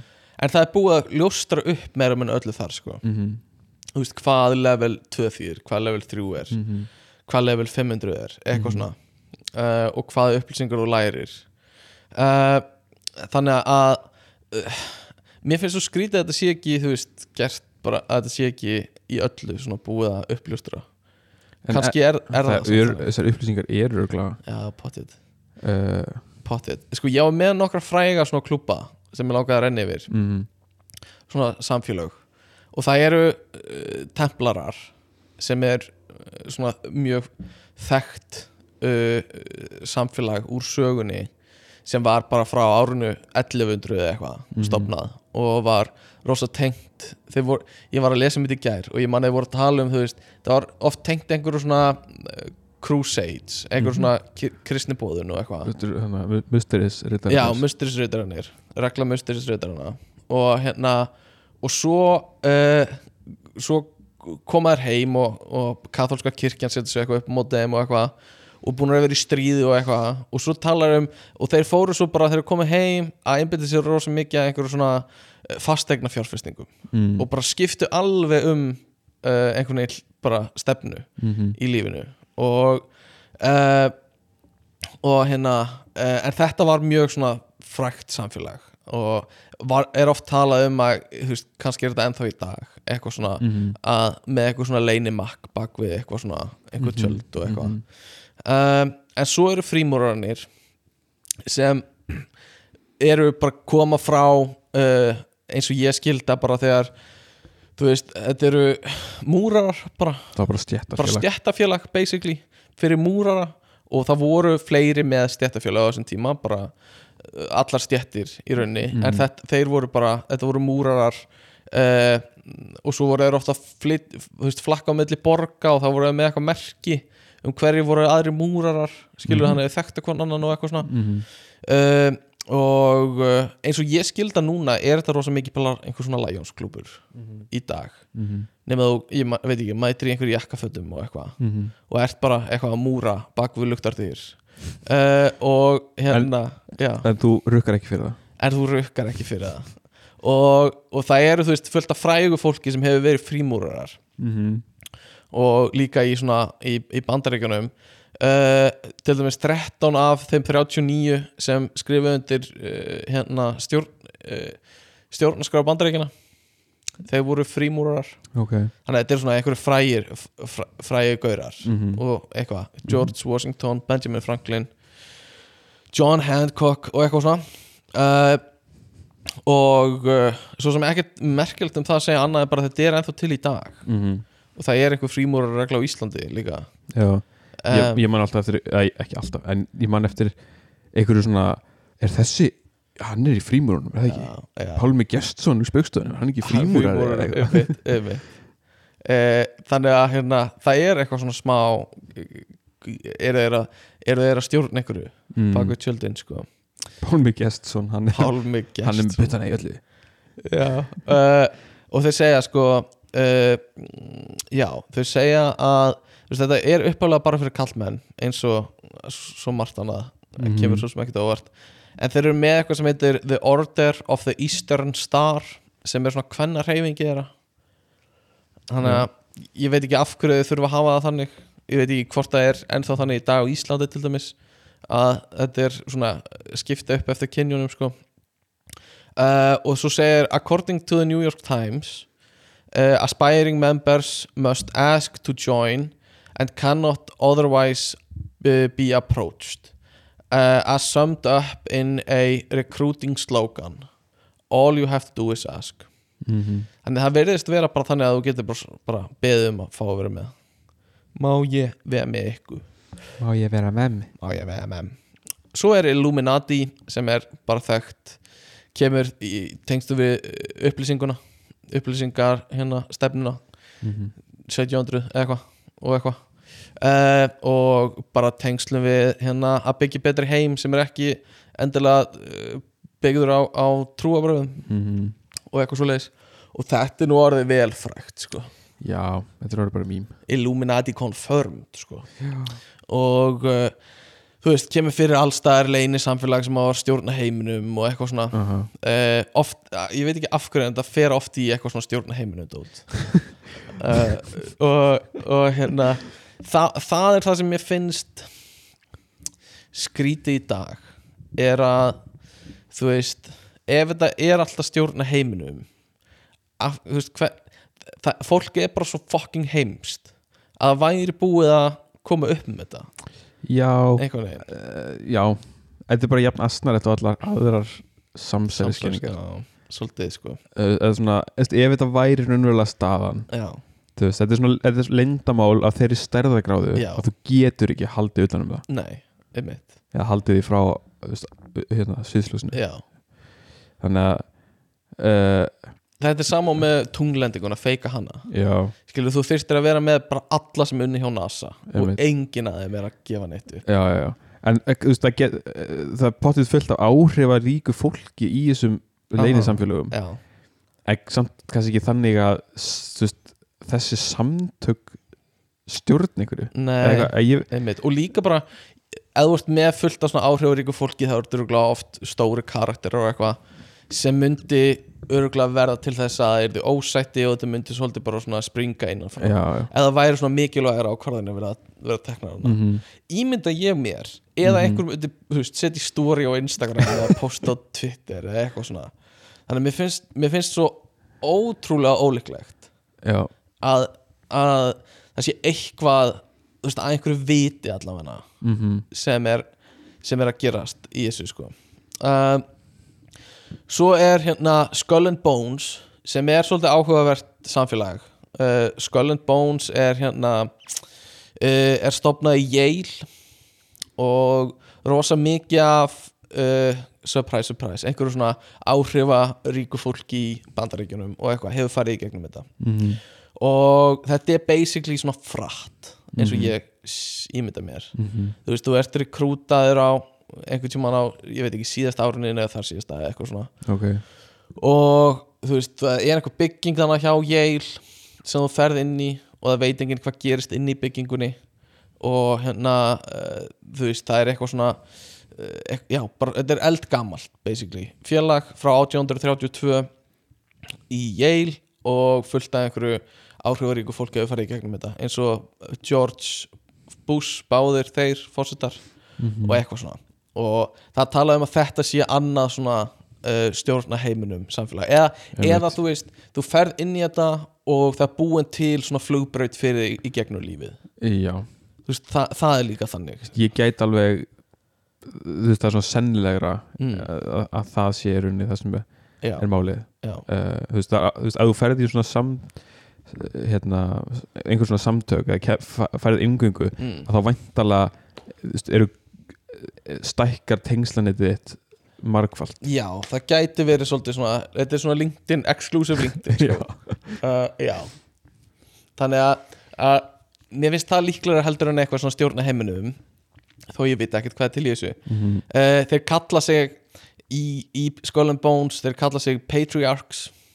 Bara feðraveldið og Mm. hérna uh, er bara svolítið og þannig er þetta ennþá bara eh, kallað klúpur ég myndi halda það sko. Mm -hmm. um, ég hugsa það sko. Uh, og uh, já uh, fullt af einhverjum ríkum köllum sem hafa farið í gegnum þetta og bla bla bla. Og þetta var í, í uh, House of Cards þáttanum, þar var hann aðal, hérna, karakterin vondi vondi Kevin Spacey var Mm. partur af þessu og eitthvað svona. Uh, þannig að uh, það var það. Og svo síðasta sem ég alltaf tala um var Bilderberg sem er svona uh, klúbbur, þetta er svona alveg mörkunum að geta talist það sem við erum að, að fjalla um sko. ok, en þetta er klúbbur sem var bara stopnaður 1954 uh, á hótelinu Hotel de Bilderberg í Hollandi og snýri um að bæta samskipti Norður, Ameríku og Evrópu og það sem fullt af áhrifa uh, miklu fólki í samfélaginu var bóðið og kom saman og svo áttu þau að fara baku luktardyr að ákveða eitthvað mikilvægt fyrir heiminn. Mm. og uh, þetta er gert held ég ennþá í dag. Og þér þarf að vera bóðið þetta er í kringum 120 til 140 manns á hverju ári. Og þetta geta verið oftast er þetta stjórnmálamenn en geta verið listafólk eða mm Mhm. bara almennt áhrifafólk í samfélaginu. Og frækt fólk er eins og Clinton, Margaret Thatcher Angela Merkel, Kissinger og eitthvað svona sem hérna hafa komið fyrir í þessu. Og uh, Fór ekki Maggi Mix? Jú, Mag Maggar Mig Mag Magnús Mixer og einhverju svona fleiri hérna, uh, sem komið fyrir í þessu. Og ég efast um að nokkur íslendingur hafi nokk tíma verið bóði um, en þetta er svona En það eru bara einhverju sveita lubbar. Við erum einhverju sveitalöfbar sko. En við getum kveikt á eldfjöllunum okkar og stoppað allar samgöngur Mhm, í sko Ef þarf. Ef þarf og bara passið ykkur, segi ég. Um, en hérna hvað ætla ég að segja varandi þetta? Uh, já ekkert meira, jú það eru ekki byrtar semst fundargerðinar eru ekki gerðar ofinberar Nei. Spooky dooky. Það er einhverju læstum skjalageimslum Já. í kjallar Já. Það sem bara Angela Dan Mer- Brown veit það. Og það er bara eitthvað svona Angela Merkel kemur með snúðana næst. Flott, já. Og Henry Kissinger hann ætlar að- að að gera skrifa leikrit sem hann ætlar að skín, sína fyrir okkur. Eitthvað svona. Uh, en, en hérna það er þú veist talið einhverju vilja meina samsæris kenningamenn samsærismenn. Samsærarar samsærisfólk. Uh, vilja meina að uh, þarna sé heiminum stjórnað að einhverju leiti Í Bilderberg.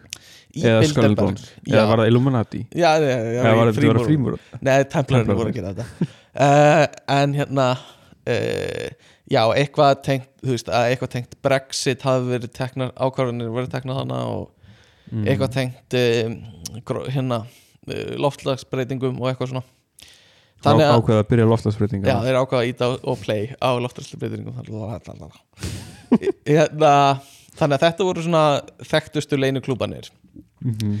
En það sem ég hefði haldið er sko alvöru leinuklúbanir maður veit ekkert hvað þeir heita sko. Nei, það eru leinu leinu það eru leinu leinuklúbanir sko. Mhm. Þetta eru orðinu það stóri leinuklúpar að þeir eru ekki leini nei, þeir eru ekki leinu heldur, ekki lengur sko. Já, og uh, já þú veist uh, mér finnst þetta ekki alveg vera nógu svona exclusive klúbar sko. kannski Skull and Bones veist, e- það sem ég er að leita að er svona alvöru exclusive klúbur sem er mjög exklútar mjög mikið er valin á gethóta ákvörðun og hérna þú færði ekkert að vera með nema það sé bóðið þú veist, það er séð eitthvað potential í þér og eitthvað svona, og kannski er Skull and Bones aðal klúburinn tengdi því, Mm. sko veit Þetta hljóðum bara eins og allir svona vina hópar þetta er, já, þetta er svolítið þannig, sko. Og, Þeir eru mjög exclusive þeir eru sko. svolítið exclusive, sko þú ert að fara að hitta vina hópiðin og, og getur ekki hitt hinn að vinna og það er erfitt að komast inn Mhm. í vina hóp já, einmitt, uh, Já, þarf að vera bóðið að tekja fyrir í nefnd einmitt. Allar fundargerðir eru það leinilegar eru leynilegar, en þær eru tekna niður Já, sko, já, á öllum, öllum hittingum. Uh, þannig að hérna hvernig, þú veist já. Er, er, eh, ok, bara þannig að við fáum svarið þessa spurningu. Heldur að einhverju leiti að heiminum sé stjórnað bakvið tjöldin uh, Já uh, En er það ekki bara svona eitthvað eitthvað pólit, eitthvað svona nei ok, halda frá Eh, ég, ég veit ekki þú veist hvað á veist, ok, ef, ég veit ekki ok, ég veit ekki, ok. Ok, ég veit ekki, ok, Ok. Ég, veit, ég, veit ef við ekki, tölum ok, bara um Ísland. Ok, ok, ég veit ekki ég veit ekki, ok. En ef við hérna þú veist ok það ákvarðan eiga að vera teknar á þingi af ríkistjórninni Já. og þú veist það er eitthvað ákveðið fólk sem Mm. er búið að kjósa inn á þing mm -hmm. uh, þú veist, og þá eru haldnar líðræðislega kostningar uh, og þar sem eitthvað fólk var á listum sem var búið að fara í gegnum eitthvað svona hérna uh, hvað heitir þú veist forvalið hjá flokkunum mm svona- forval Já. neða, heitir eitthvað þetta var mjög góð sömring á íslensku lífi sko, og ég held ég dreg ekki til efa um að úrslit kostninga hvort sem það er forvalið hjá flokkunum eða bara alþingiskostningar Mhm. eða borgstjórkostningar séu eitthvað eitthvað riggt sko. mm. en, en það er mér finnst ekkert ólíklegt að það sé síðan fólk sem að var aldrei í rauninni kosið Mm. Það er uppstillingar nefnd sko uh, ekkit endilega Ekki, Ek, eða, þú veist, þú, þú býður bara fram á lista. Já, já, já. Já, í stúdendakostningum eru uppstillingar nefnd já, sumir, lista, eða sumir flokkar eru Já. uppstillingarnemnd, aðrir eru bara með hérna, þú veist, þá þú fram. bara fram. í fyrsta sæti eða annað, eða þriðja til fjórða eða eitthvað. Ok, allavega, en það eru örgulega fólk sem að er ekki, sem bauð sér aldrei fram. Já, en er samt kannski eh, mjög áhrifaríkt kannski innan einhvers flokk Já. og hefur kannski mikil áhrif á ákvarðanir sem eru teknar. Já, þó að það hafi, sé ekki með umbóð til þess. Næ ég gæti alveg trú að það sé eitthvað þannig. Mm uh, og öruglega mm, veist, kannski einhverju svona sem voru einu sinni kjörnumfulltrúar eins og Davíð lengi, hefur veist, Já. einhver, einhver þannig típur Já, uh, og öruglega veist innan í, öllum flokkunum eða Mhm. sérstaklega þessum svona stóru flokkum sem er búin að vera lengi starfandi.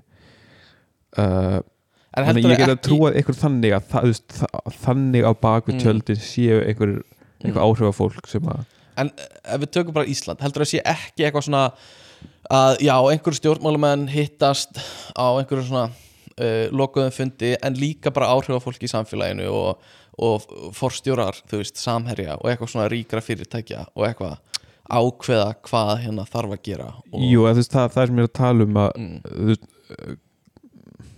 bara fólk sem var ekki kjörið mm, er með puttana í málunum Já. og það geta verið hagsmun aðilar bara samtök yðnari, samtök atvinnulífsins Mhm. eða eitthvað, þú veist, auðvitað eru þau með einhverja mm agenda já, og einmitt.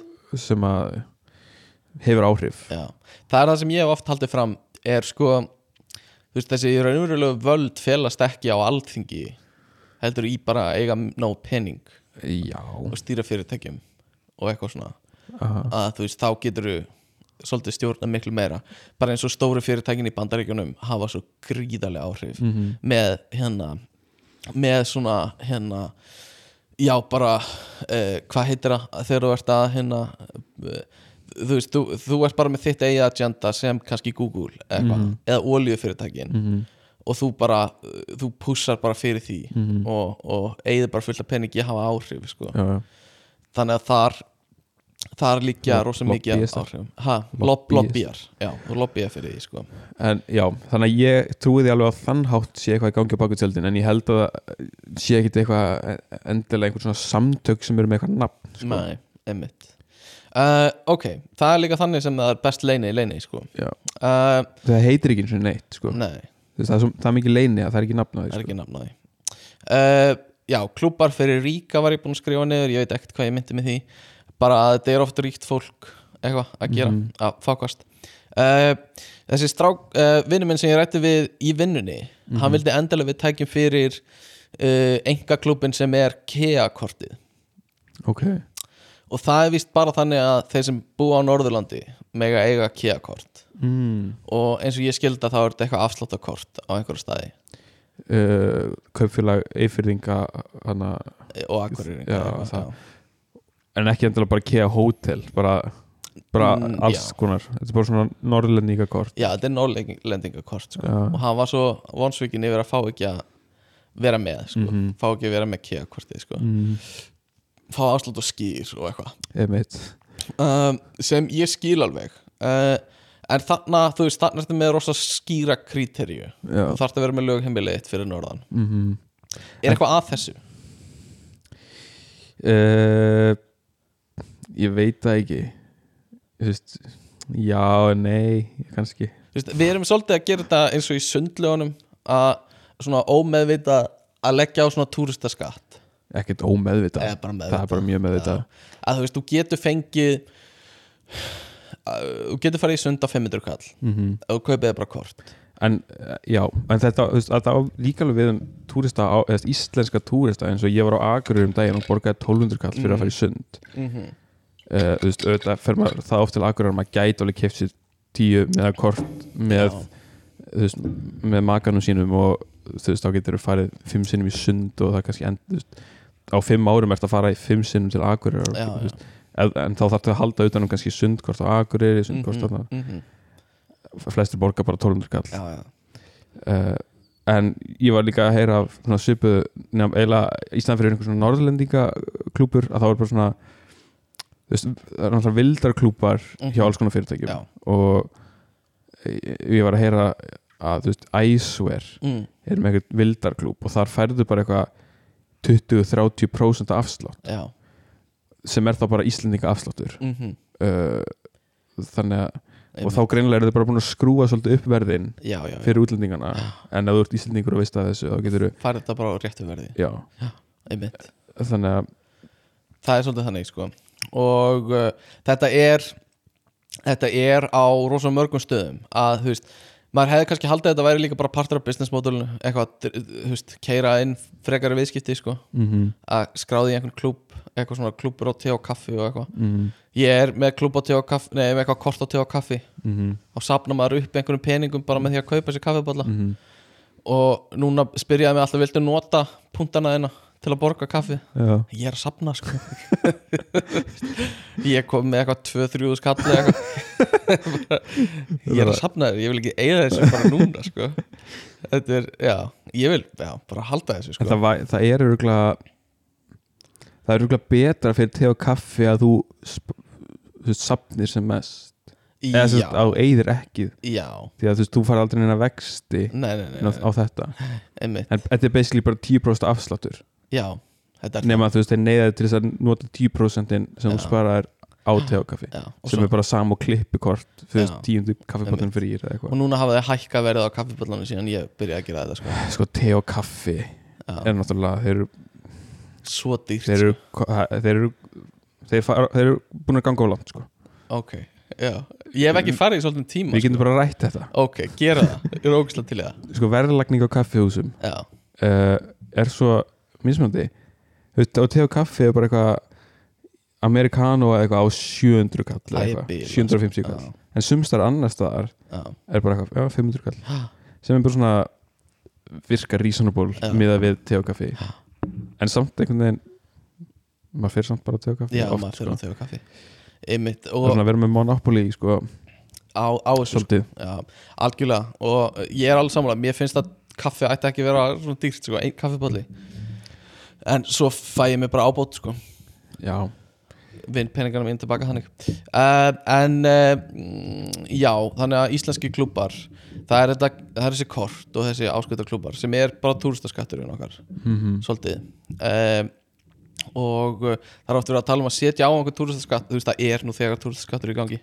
Setja já kannski svona, ekki kannski formlega en er svona leindur þetta er svona samfélagslegur túristaskattur um, allavega, við erum búin að tala nú um, um svona klubba svolítið. Mm -hmm. um, ræðum aðeins uh, skemmtistæði. Ok, uh, bara örstutt og hérna það er uh, það eru skemmtistæðir á Íslandi. What? það vita það um, og klúpar jafnvel. Uh, hver, hver, hva- hvað meinar með hver er munurinn? Akkur þessari klúpar jafnvel? Sko í mínum huga uh, eru klúpar svona meira svona reif einhvern veginn svona ok, dú, dú, dú, svona klúpar einhverjir mm. og skemmtistæðir er meira svona eins og uh, veit ekki, Irish pub eða eitthvað. Bar. pub, já, bar eða eitthvað, veit Ok. ekki. Um, hver er svona mest exclusive heldur þar? Er það, það bankastræti klúburinn eða þeir, þeir, sko ok, ég er náttúrulega er engin nei. eða skemmti, skemmti maður, ég er bara ekki skemmtilegu maður.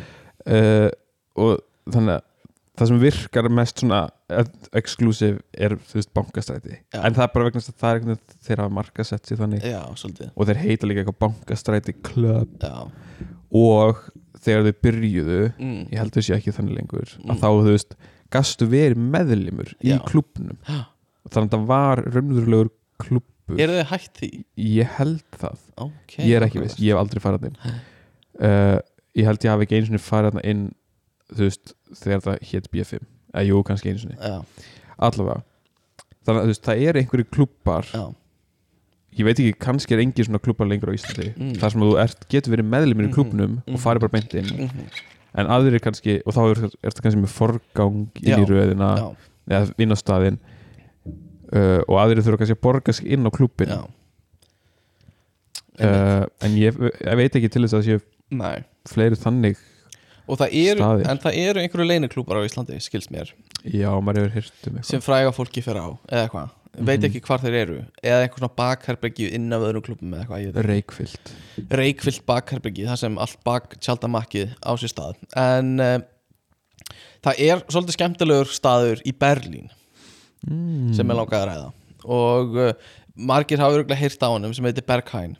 Og ég hef ekki farið ángað ég veit ekki hvort ég þekki marga sem hafa farið ángað uh, allavega ekki í mínu svona nánustu vinnum Nei. um, ég þekki örgulega einhverju sem uh, hafa farið ángað uh, en hann, hann er oft sagður vera svona mest exclusive klúpur í heiminum.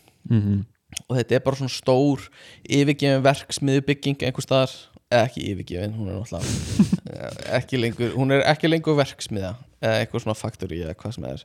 Eða powerplant, ég man ekki hvað hún var.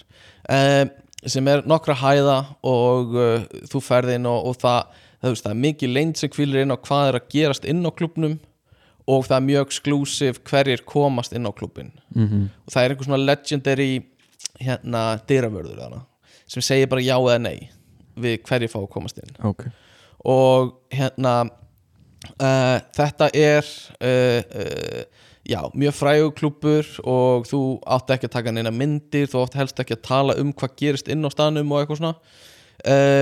Og er, já, eins og ég segi í Berlín hvar annar staðar.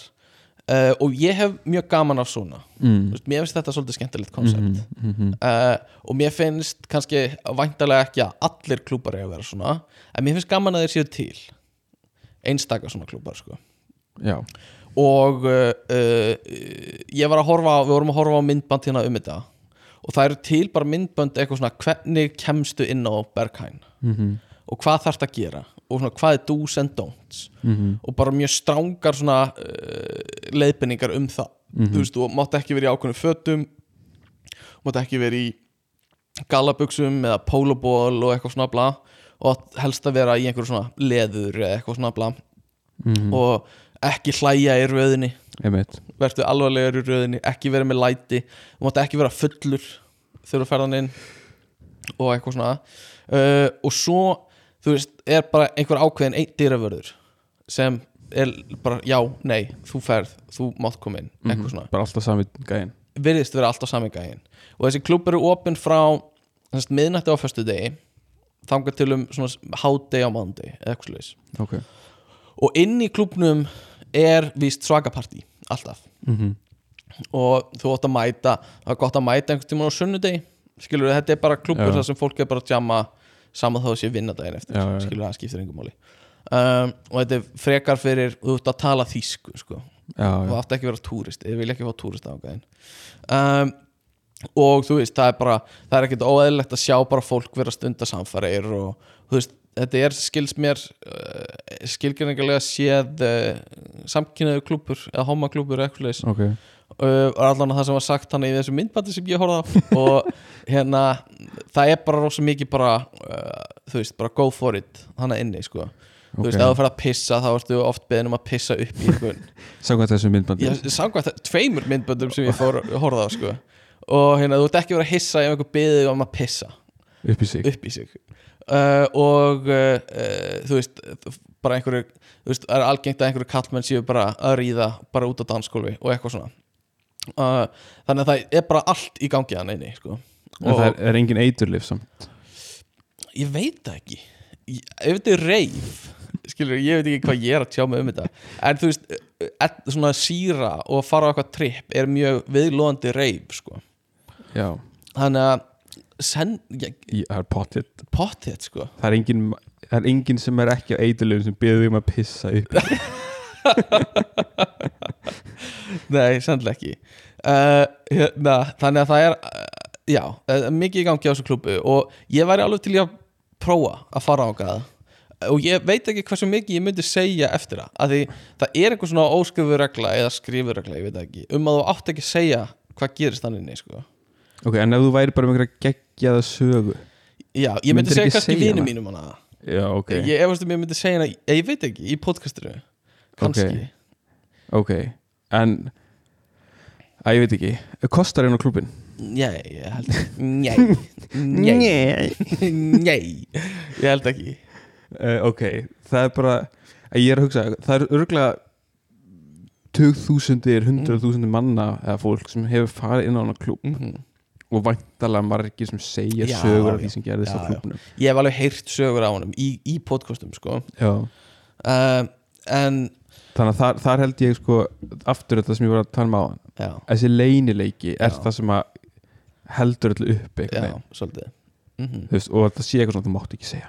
Og Mátti líka að þetta sé exclusive sko. Það er alveg eins og Já. fyrir Berghain Er bara að það sé svona exclusive að komast inn á hann Að það sé eitthvað gaur sem segir bara nei við en, já, einmitt, einmitt. en er það ekki það sem að einhvern veginn þú veist eh, er það bara svona tilbúningur einhvern veginn? Er búið að búa til er búið að fabrikata eitthvað svona exclusivity? Eða þú veist Já, einhverju leiti En líka bara Þú veist, þetta er held ég svolítið viltur klúbbur sko.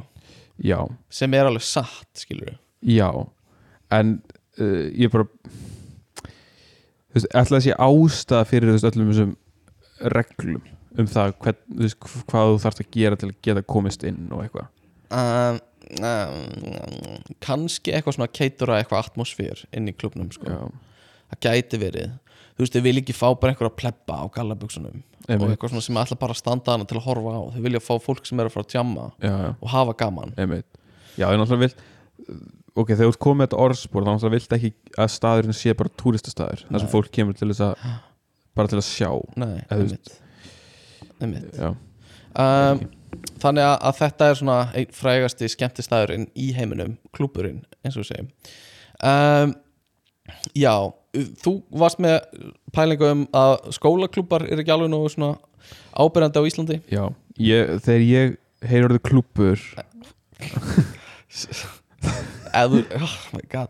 Þú ert ekki að tengja við skemmtanalíf þú ert að tengja við, við stjörnufræði klúbin í einhverju skóla. Já, nei, ok. Þegar, Það sem ég ætla að segja, þe- þegar ég hugsa um klúbbur þá hugsa ég annars vegar um klúbba, næturklúbba mm, og jazzklúbba mm, hefur líka skemmtileg pæling.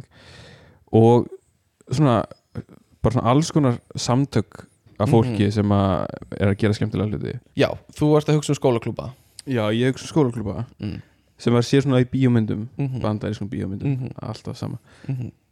og mér finnst bara ekki nóg mikið af því á Íslandi uh, ekki það, þú veist, ég var það antisocial að ég hef aldrei verið í neinum sem klubum en svona eftir á þá hugsa ég, já, það hefði nú verið gaman að vera í einhverjum sem klubum já, já. þú veist, svona þú veist og auðvitað, auðvitað er einhverjum svona klubbar í, Mhm. í, í mentaskólum eða framhaldsskólum uh, þú veist skólablaðið og allt þetta. Já.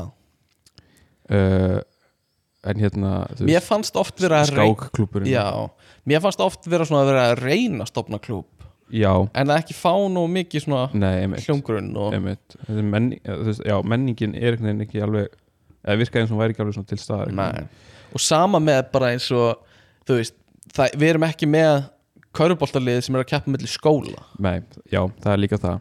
Það er svona hlutaði uh, Já, skólin er einhvern veginn svona eða mann, mann finnst þegar maður hugsa um hæskúlmenningu í bandaríkjum Mm. að svona skóla samfélagi sé einhvern veginn meiri Mhm. held einhvern veginn Já, uh, Já, en það kannski náttúrulega mentaskólar á Íslandi eru þú veist átt að blanda sama fólki úr Sveit, já. mismöndi sveitafjörðum og eitthvað í staðan fyrir school þá er þetta svolítið svona hverfis Já, já en ég hérna það myndi mig á sko minn ástkæra Imperial College já, sem að ég stundaði námið þar sem þú ert útskrifaður svona valla, með mistragráði frá já, en hefur einu sinni stíði fæti inn í tvisvar, afsakið, tvísvar tvisvar. mm -hmm. Uh, þegar ég var hérna að uh, svona undirbúa mig fyrir það Mhm. að fara Já. út í Imperial College Já, þá var ég svona að skoða félags svona starfið, það náttúrulega eitthvað svona skólafélag. Og það eru grilljón klúb grilljón þetta algjörlega. er náttúrulega ógeðslega stór skóli. Já, uh, þú veist og hérna nánast hvert einasta land í heiminum en Mhm. bara með sin eigin klúb í þessum skóla. Mm uh, og það eru hérna þú veist, það er hérna húðulækna klúburinn já, svo er náttúrulega þú veist, ég veit ekki, læknisfræði deildin er bara með klúb, sko, eða svona society fyrir Já. bara hverja undirgrein, Já. sko þú veist, geislafræði klúburinn og, og Einmitt. robotaklúburinn og já. siglingaklúburinn og e, tákmálklúburinn og já, við vorum með þetta líka svona í, í Hollandi sko. fullt af klúpa, við tókum ekki þátt í neinum sko. nei, en það var endalust af þessu já og veist, ég var alveg svolítið spenntu fyrir því að mm -hmm. að vera með í einhver af þessu, sko Mm og maður sko sem spyr sjálfveg hérna hversu þú veist hérna svona aktífur þessi klúpar eru sko já uh, Ég gæti alveg séð samt í Imperial Þetta er svona uh, vel gömul stopnun sem er svona Mhm. vel stabiliseruð að það gæti verið eitthvað leinifélag þar sko. já sko ég, ég, ætla, ég ætla að koma að því oh, Á eftir. oh boy uh, ég, var, ég var að sjá hérna það er nýr klúpur sem heitir uh, hvað heitir hann hann heitir Kinky Club. Kinky sem Club bara svona fjallar um svolítið svona kinky Kinky Dingy uh, mál. Já, uh, og þeir skipulegja þú veist uh, svona ferðir í kýlífstækjabúðir og eitthvað svona skemmtilegt. Og maður velti fyrir sig hvort það sé eitthvað svona leinilegt líka. Já. Í sem að, Kinky klubnum eða bara eitthvað annað sem nei bara þú veist hvort að Kinky klúburinn sé að gera fleira en það sem við segja á heima síðan Já, það meina að hósta orkjur eða eitthvað. Já, til dæmis. Mm. Uh, en að hérna þú veist það hefði verið gaman kannski að fá að vera með því. Kannski væri þeir að hósta orkjur og í COVID kannski væri þeir með hósta orkjur kannski. Kannski. Uh, Björgun er sko skellir hlægandi núna. bara þú veist þú, ég hló svo mikið að þú þurftir að taka Já, út ég þurfti að kvætta út rosa stórt sko. Uh, það er marxista félagið það er nýtt. Ok, uh, það vantar svolítið út um allt. Já, það mætti vera fleiri marxista samfélag Alveg til ég að sjá það. Það voru tvæ, það eru tvær sinfoníuljómsveitir Ok. Allavega, margt mjög skemmtilegt og Mhm. hérna, eitthvað fyrir alla. Mm uh, já. En svo að það, það hérna Anna, Imperial sko, Mm. þar er leynisamfélag útskrifara. Já, ég fekk nefnilega post þegar ég fekk loknum staðfest að ég væri útskrifaður úr þessum uh, þessari stofnun. Erum við að skúpa hérna Leinir saman Tja, ég veit ekki, þú veist, bara Já, þið megið ekki segja neitt Nei, sko. það má ekki segja, þetta er bundið uh, og hérna, ég fekk sko ég fekk post sko. Uh, og ég veit nú ekki hvort hversu leynilegt þetta er. Ok, uh, en ég er sem sagt hluti af alumni samfélaginu að sko. sjálfsög, já, einmitt, einmitt, einmitt. ég fekk post sko hérna Congratulations Björgvin, you made it uh, You've completed your imperial degree and you're officially part of our alumni community. Vá, ótrúlegt. You can start accessing all your new benefits today Ó, vá, including Á, ég er spenntur. alumni email address. Yes! En neinn Yes. email adressan sem við þarfum að fylgjast með. Yes. Uh, library membership Imperial Plexus a Wow. free online platform for Imperial alumni. Þetta bara stoppar ekki events, webinars, socials, masterclasses and career bootcamps. Fuck, og svo framvegis sko. vá. Þetta er svona klúburinn svolítið eins og hana Yale klúburinn Já, þetta er svona hraðbraut sko, já, fyrir uh, framar hraðbrautin já, sko. flug, Flugbraut til þess að verða bara Já, stjórna heiminum, sko. Þannig að þú veist uh, það er spurning hvort maður fari ekki svolítið að taka þátt í þessu sko. Ég, ég held að þú ættir að gera það, sko Ég held þú, uh, já ég er ekki enda búin að skoða þessa e-mail adressu Nei, auðvitað Kannski er einhver e-mail að býða eftir þér sem er með einhverju svona leinidóti já, já, kann, það geta alveg verið sko. Uh, þetta er svona eins og Sigmundur Davíð sem sagðist útskrifast úr einhverju Cambridge eitthvað en mig grunar að hann hafi ekki fengið göngu í alumni klubin hjá nei, Cambridge nei, nei. uh, ég held hann hafi ekki klárað sko. uh, en já þetta er, þetta er uh, mikilvægt sko. og en Imperial er líka svona skóli sem að þú veist það sem fólk telur sig vera svolítið merkilega en aðrir fyrir eru að hafa klárað sko. þið eru náttúrulega merkilegur en við hinn sko. já, veist, ég segja það kannski ekki upp átt Nei.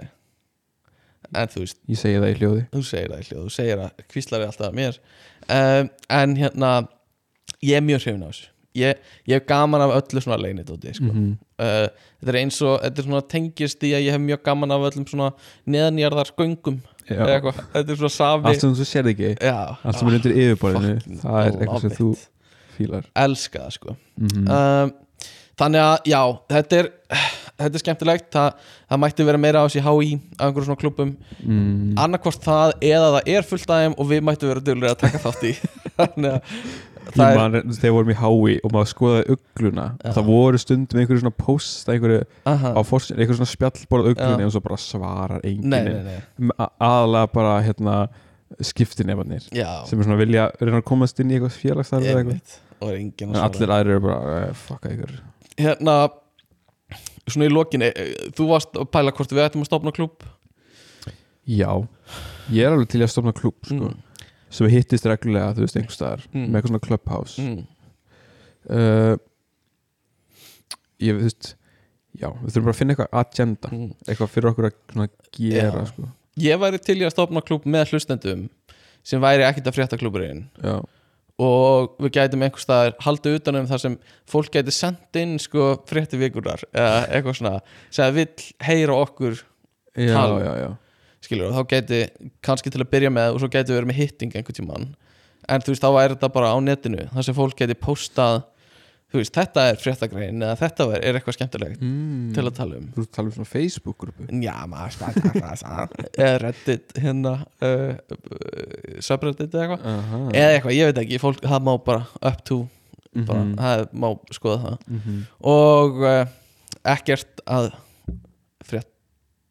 eitthvað klúbur ekki þetta klúpa ekkert að klúpa, já. Ekkert að klúpa og hérna uh, það er bara, hvað viltu sjá í þættinum, heyra. Og kannski fréttir eða linkar á eitthvað svona umfjöllun eða eitthvað Mhm. sem við getum skoðað fyrir þátt. Mhm. uh, og klúbhúsið er bara í hjörtum allra hlustenda. Mm. til að Ok, byrja með. ok, ok. Svo væri ég mjög til að taka hitting einhvern tímann. Já, einmitt. Ég hérna Já, mér langar líka svolítið til að komast í svona listamanna elítu já, Svona þannig klúb sko. Svona, fó, svona Þú veist uh, Hvað hvað á að segja Hérna Svona fígurur í bæjarlífinu sko. mhm, mhm. Uh, Sem hittast reglulega einhverju kaffihúsi. Já, Ég verði til að vera þannig hóp líka sko. kom með sitt eigi kaffi að það er ódýrst að kaupa. Já, og ekki te og kaffi. Nei, alls Einhvers ekki staðar ódýr. Því að við erum listamenn og höfum ekki efni á nei, nei, nei, nei, dýru ekki sko. Þannig að ef einhver hlustandi veist, veit um hóp sem er að leita að meðlum, í þú veist, einhverju svona listakræsu já, þá er ég til í að koma inn í það sko. ok, hljóma vel uh, í lokin þá er ég með hérna smá quiz fyrir þig uh, um það uh, hvort þú myndir komast inn á Berghain klubbin í Þýskalandi mm. og uh, hérna þetta er semast bara, við svörum bara einhverju spurningum og eins og ég skildar rétt þá ætti þetta að gefa okkur hvort við komast inn eða ekki Mhm. og fyrsta spurningi er uh, hvaða vikudag myndir þú fara? Fimmtudag, föstudag, lögudag, sunnudag? Sunnudag. Sunnudag, vá, ég er nokkuð sem þetta sé rétt svar. Uh, Klukkan hvert að fara? Semast, um kvöld Sjö, þetta er svo skrýtnir röða á sem var svarmöguleikum. Níu um kvöld, sjö um kvöld Fjögur um nótt Fjögur, níu um morgun Tvö um dag eða ellefu um kvöld. Ef ég er að fara á sunnudegi mm sko ég heyrði að það væri rosa mikil röð sko um miðanóttina Já, það væri flestir þá Já. sem að þú veist nei sko, klúbburinn er alltaf pakkaður já, En röðin í klúbbin er meiri a, a, svona á hánætuna. Já, já, já, emitt uh, en kannski snemmi morgun hann nýju um morgun. Níu um morgun, fíla það uh, What are you wearing? Og svo komum við alveg er Your crispest Ralph Lauren and boat shoes. All black everything. Latex fetish wear No more than a leopard print thong. A crop top and a bum bag. Bodycon dress and your finest heels.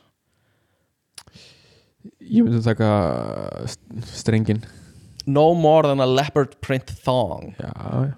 Á sjálfsög, ég held að það sé bara gott sko. Uh, How many of you are there? Þarna gætum við komið inn á það vídeo sem við vorum að horfa á. Two, three, you're by yourself Your whole rugby team eða five.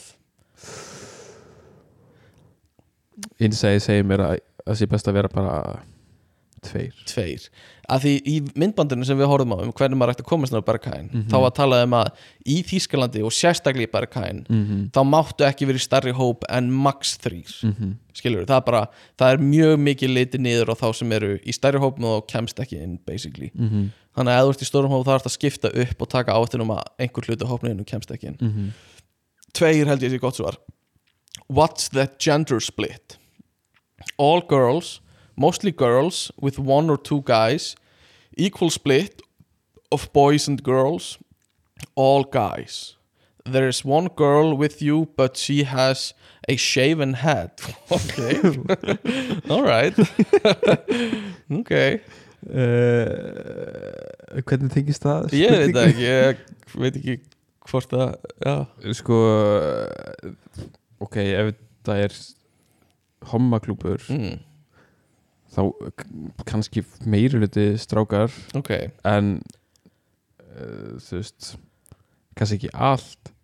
Uh, there's one girl with you but she has a shaven head. Já, það, var það valmöguleik? já, það var valmöðulegi sko. Hvað held að ég var að búa til Nei, ég held að það var svona auka upplýsingar. Já, nei, nei, nei. There is one girl with you but she has a shaven head er valmöðulegi Já, ok, þetta er hópurinn sem ég er í. Já, já, já, já, Já, ok uh, Já, já, þá tekið þann sko. Þann, ok. Ég er mjög miskildi þetta. Já, ekkert mál. What uh, uh, do you, ok, já do you say anything, semst við dyrraverðin sennilega. You say uh, complimentary, nei, you stay ok, vá, ég las það svo villust you stay completely silent and let the German speaker with you do the work. You tell the doorman it's your birthday you don't say anything until you get to the door and say your rehearsed line. Wir sind zwei. Uh, you take this opportunity to proudly tell the doorman your German GCSE oral exam. Uh, og síðasta er you tell everyone around you loudly how excited you are to get in. Trikki trikki svona möguleiki en í lokin sko. Ég ætla að segja að ég láti þýsku mælandi vinn minn gera þetta. Sjáum þetta. Ok, það er flott. Are you on drugs? nah I'm on the sauce instead. Bara búin að drekka sem sagt fyrir þig sem skilur ekki. Oh god yes. Can you tell? Uh, I don't poison my body. I'm just there for the DJ og very much so. Uh, you try to desperately not show it. Hmm. Ég er bara fyrir DJ-in sko. Just there for the DJ Yes. I don't poison my body, I'm just there for the DJ Alright. Tvær spurningar eftir. Uh, Do you take photos in the queue? Og svarmöguleikurinn eru You ask to take a selfie with the doorman. Hmm. Nope er bara hins svarmöguleiki. Uh, Maybe a sneaky Snapchat when you're far away from the door. Og síðast er Of course, every moment of your weekend must be documented. Uh, Ég myndi kannski taka eina, eina létta laumulega. Uh, Maybe a sneaky selfie when you're far away from the door. Já. Ok, segjum það. Það er ótrúlegt, þú tekur aldrei myndir. Uh, Og síðasta spurning er How obvious is it that you're a tourist? Uh-oh You're wearing your I Heart Berlin top. Við erum búin að fara yfir þetta samt? Þú ert bara í thong sko. Not at all. You blend in seamlessly with the local Berliners. Og síðasta er You're trying really hard not to look obvious But it gives it But it gives it away when you speak. Uh, Ég held að ég falli vel í hópin kannski fyrir þann háruleitin af mér uh, Ja, samt. Hann er kannski ekki mjög svona þýskur. Hall, Jú, jú, alveg nógu þýskur. En uh, þú veist, bara í þong þá held ég að ég Blend in seamlessly. Já, Ég læt líka, þú veist, vinn minn sjá um að tala. Já, ummitt, ummitt Ok, segjum það. Síðast spurningin. Er komin Nei, ok, þetta er síðasta. Are you Paris Hilton? Yes or no? No. No, oh, ég er búin að vera að vinna eins og lengi maður, ég var að vona og blablabla, þetta er að vinna hérna You would definitely get into Berghain Yes It's hard to say definitely when there isn't an obvious store policy. However, uh, you've played your cards right, not pissed anyone off, and you've ended up in the most exclusive club in the world. Not that your uh, mates would ever believe you since you'll get chucked out for taking any photos to prove it. Oh boy. mm, Þannig að ef þú ferð og reynir að komast inn á Berghain, með þessum aðferðum já, þá definitely kemst inn. Uh, ég held að þetta sé bara endirinn á þættinum okkar í dag hafið sambandið ekkert frétta gmail.com eða ekkert frétta Instagram um, hérna uh, við erum bara rauðin dagsins í dag vatn og hver er styrtar alveg þannig í dag? Uh, Það eru múmínálfur Múminálfur, nei, búbí búbí. Ég er bara múminálfur í Finnlandi, eitthvað svona slagverð þeirra. Já, ég held að sé það. Búbí búbí. Uh, múminálfunir og hérna uh, já, uh, ég held að það sé bara ekkert meira sem við þurfum að bæta við. Eitthvað sem þú vilt segja? Nei, bara bless. Bye bye. Bless. Bless